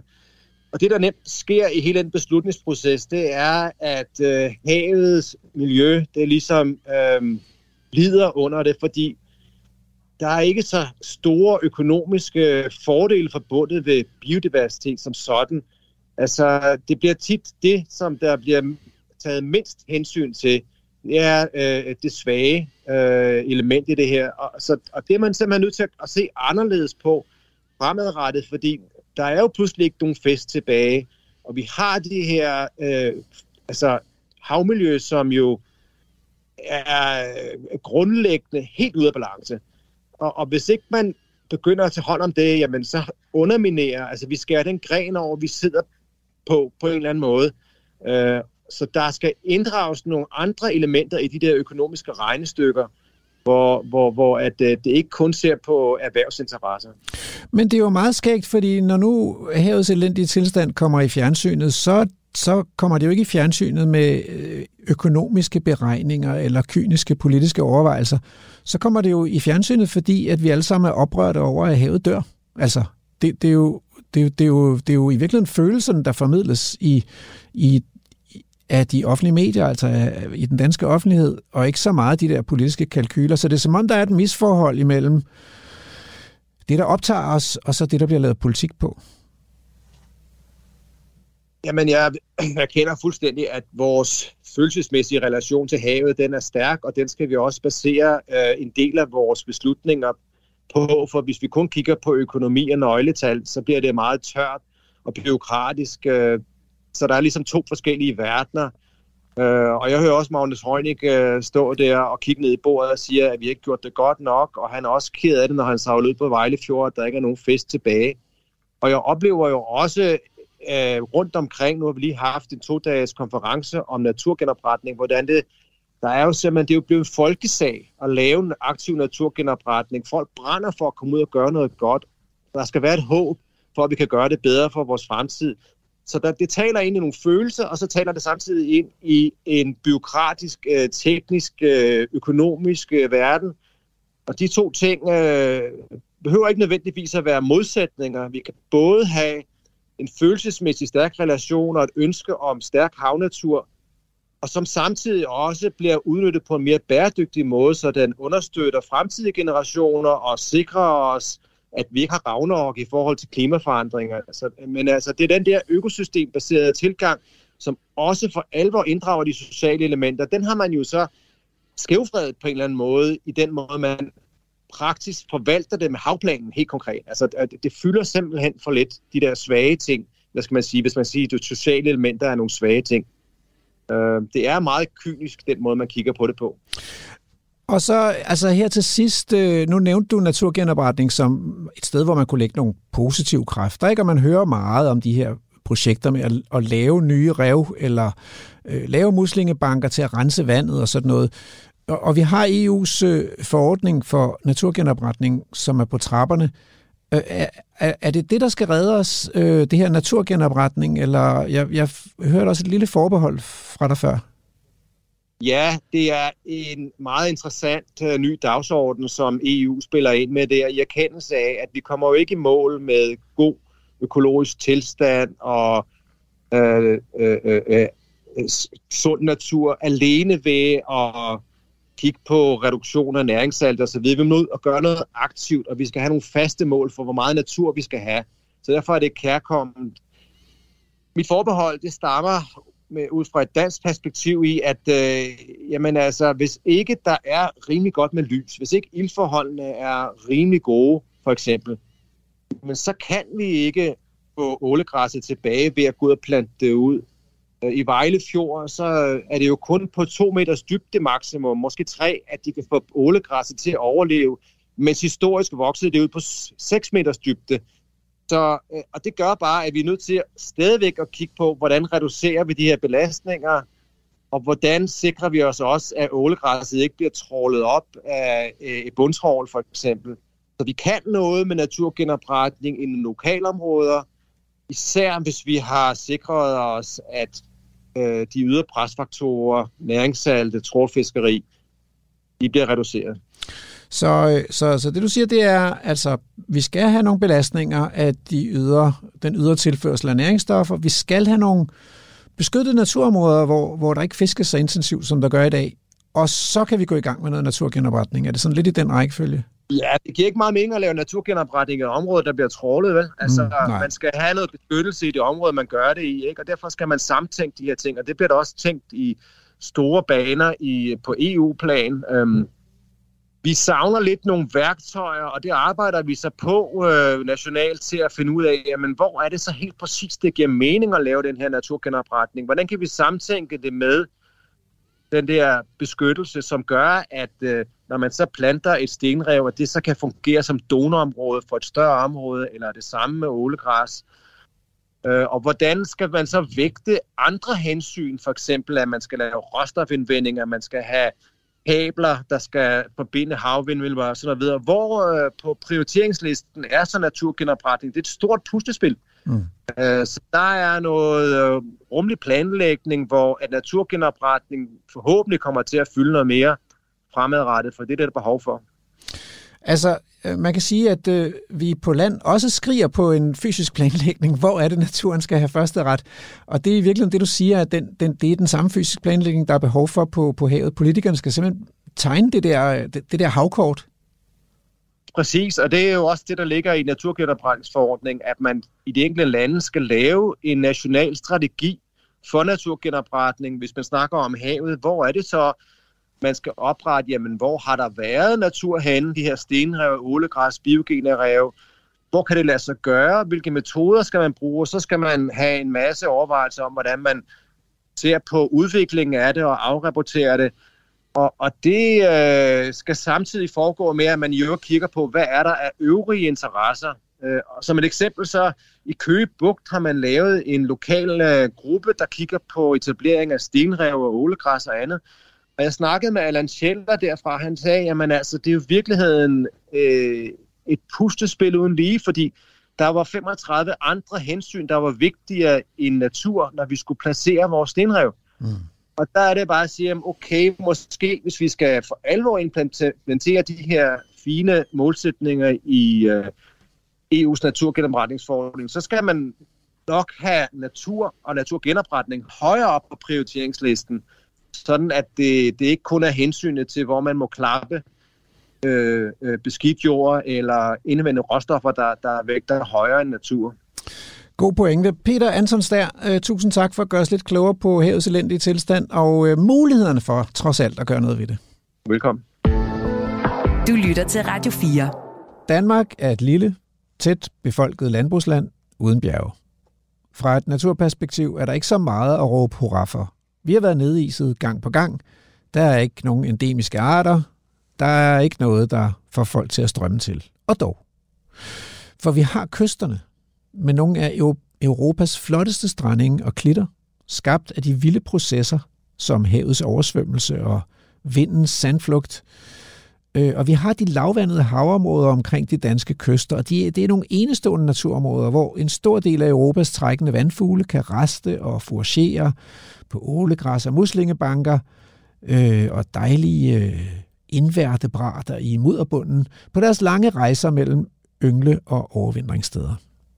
Men de der lavvandede havområder, De rammes igen og igen af iltsvind, og fiskebestanden er presset af fiskeri og ødelæggelse af gyde- og opvækstområder med tunge bumtrål, der trækkes hen over den sårbare havbund som en plov igennem plov, øh, hav, øh, jordbunden, og de udjævner alle de naturlige strukturer.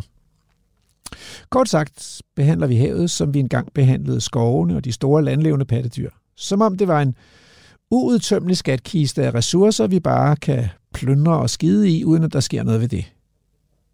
Men det er på tide, at vi indser, at der kun er én planet, et landområde, et hav, og at hvis vi ønsker os et smukt liv i en levende natur, så er vi også nødt til at tage ansvaret for, at det sker. På havet indebærer det ansvar, at vi holder op med at, at gøde havet med næringsstoffer, som vi taber fra landbrugsjorden eller rensningsanlæggene, at vi holder op med at bruge havet som losseplads, og at vi udpeger store beskyttede naturområder til havs, hvor det er forbudt at fiske kommercielt og smadre havbunden med trål, og hvor dyrelivet får ro og fred. Først da kan vi forvente, at det rige plante- og dyreliv i havet kan gøre et virkeligt comeback. Det kan det til gengæld, og det ved vi. For der, hvor det er prøvet, der, hvor man har lavet, øh, lavet naturreservater på havet, der har det virket. Og det har det også på land. Så på den måde er naturen en lidt sjovere krise at arbejde med end klimakrisen, hvor der er egentlig ikke noget, der bliver sjovere af, at man bare får dæmpet temperaturstigningen. Men det gør det, hvis vi giver plads til naturens frie udfoldelse. Til glæde for os alle. Radio 4. Ikke så forudsigeligt. Så er vi øh, ved vejs ende. Og øh, jeg vil gerne takke øh, Peter Løde for at have trodset elementerne og, og været taget ud på havet. Det er ikke så tit, vi kommer ud på havet, så det var Ja, rigtig det, er- godt. Det er bøvlet. Ja. Altså, vi vil gerne mere. Ja. Der er nogen derude, der har en båd, så tag os med. Præcis. Øhm, og øh, tak selvfølgelig også til Claus Balleby fra Vejle Kommune for at tage Peter med ud på havet. Tak til Morten Rosenvold Villersen for at ville øh, indvillige os i, hvordan det er at dykke med ministre. Og øh, tak til øh, Peter Anton Stær, professor på Aarhus Universitet, for at gøre os klogere på hele den her vanskelige problemstilling og komplekse problemstilling omkring planlægning på havet. Tak for Andrew, min øh, rejseven, øh, for at have sat sejlet her i studiet. Og så er det tid til ugens haiku. Plyndret og skændet. Spisekammerets kvælning. Fiskene gisper. Programmet er produceret af Videnslyd for Radio 4. Du har lyttet til en podcast fra Radio 4. Find flere episoder i vores app, eller der, hvor du lytter til podcast. Radio 4. Ikke så forudsigeligt.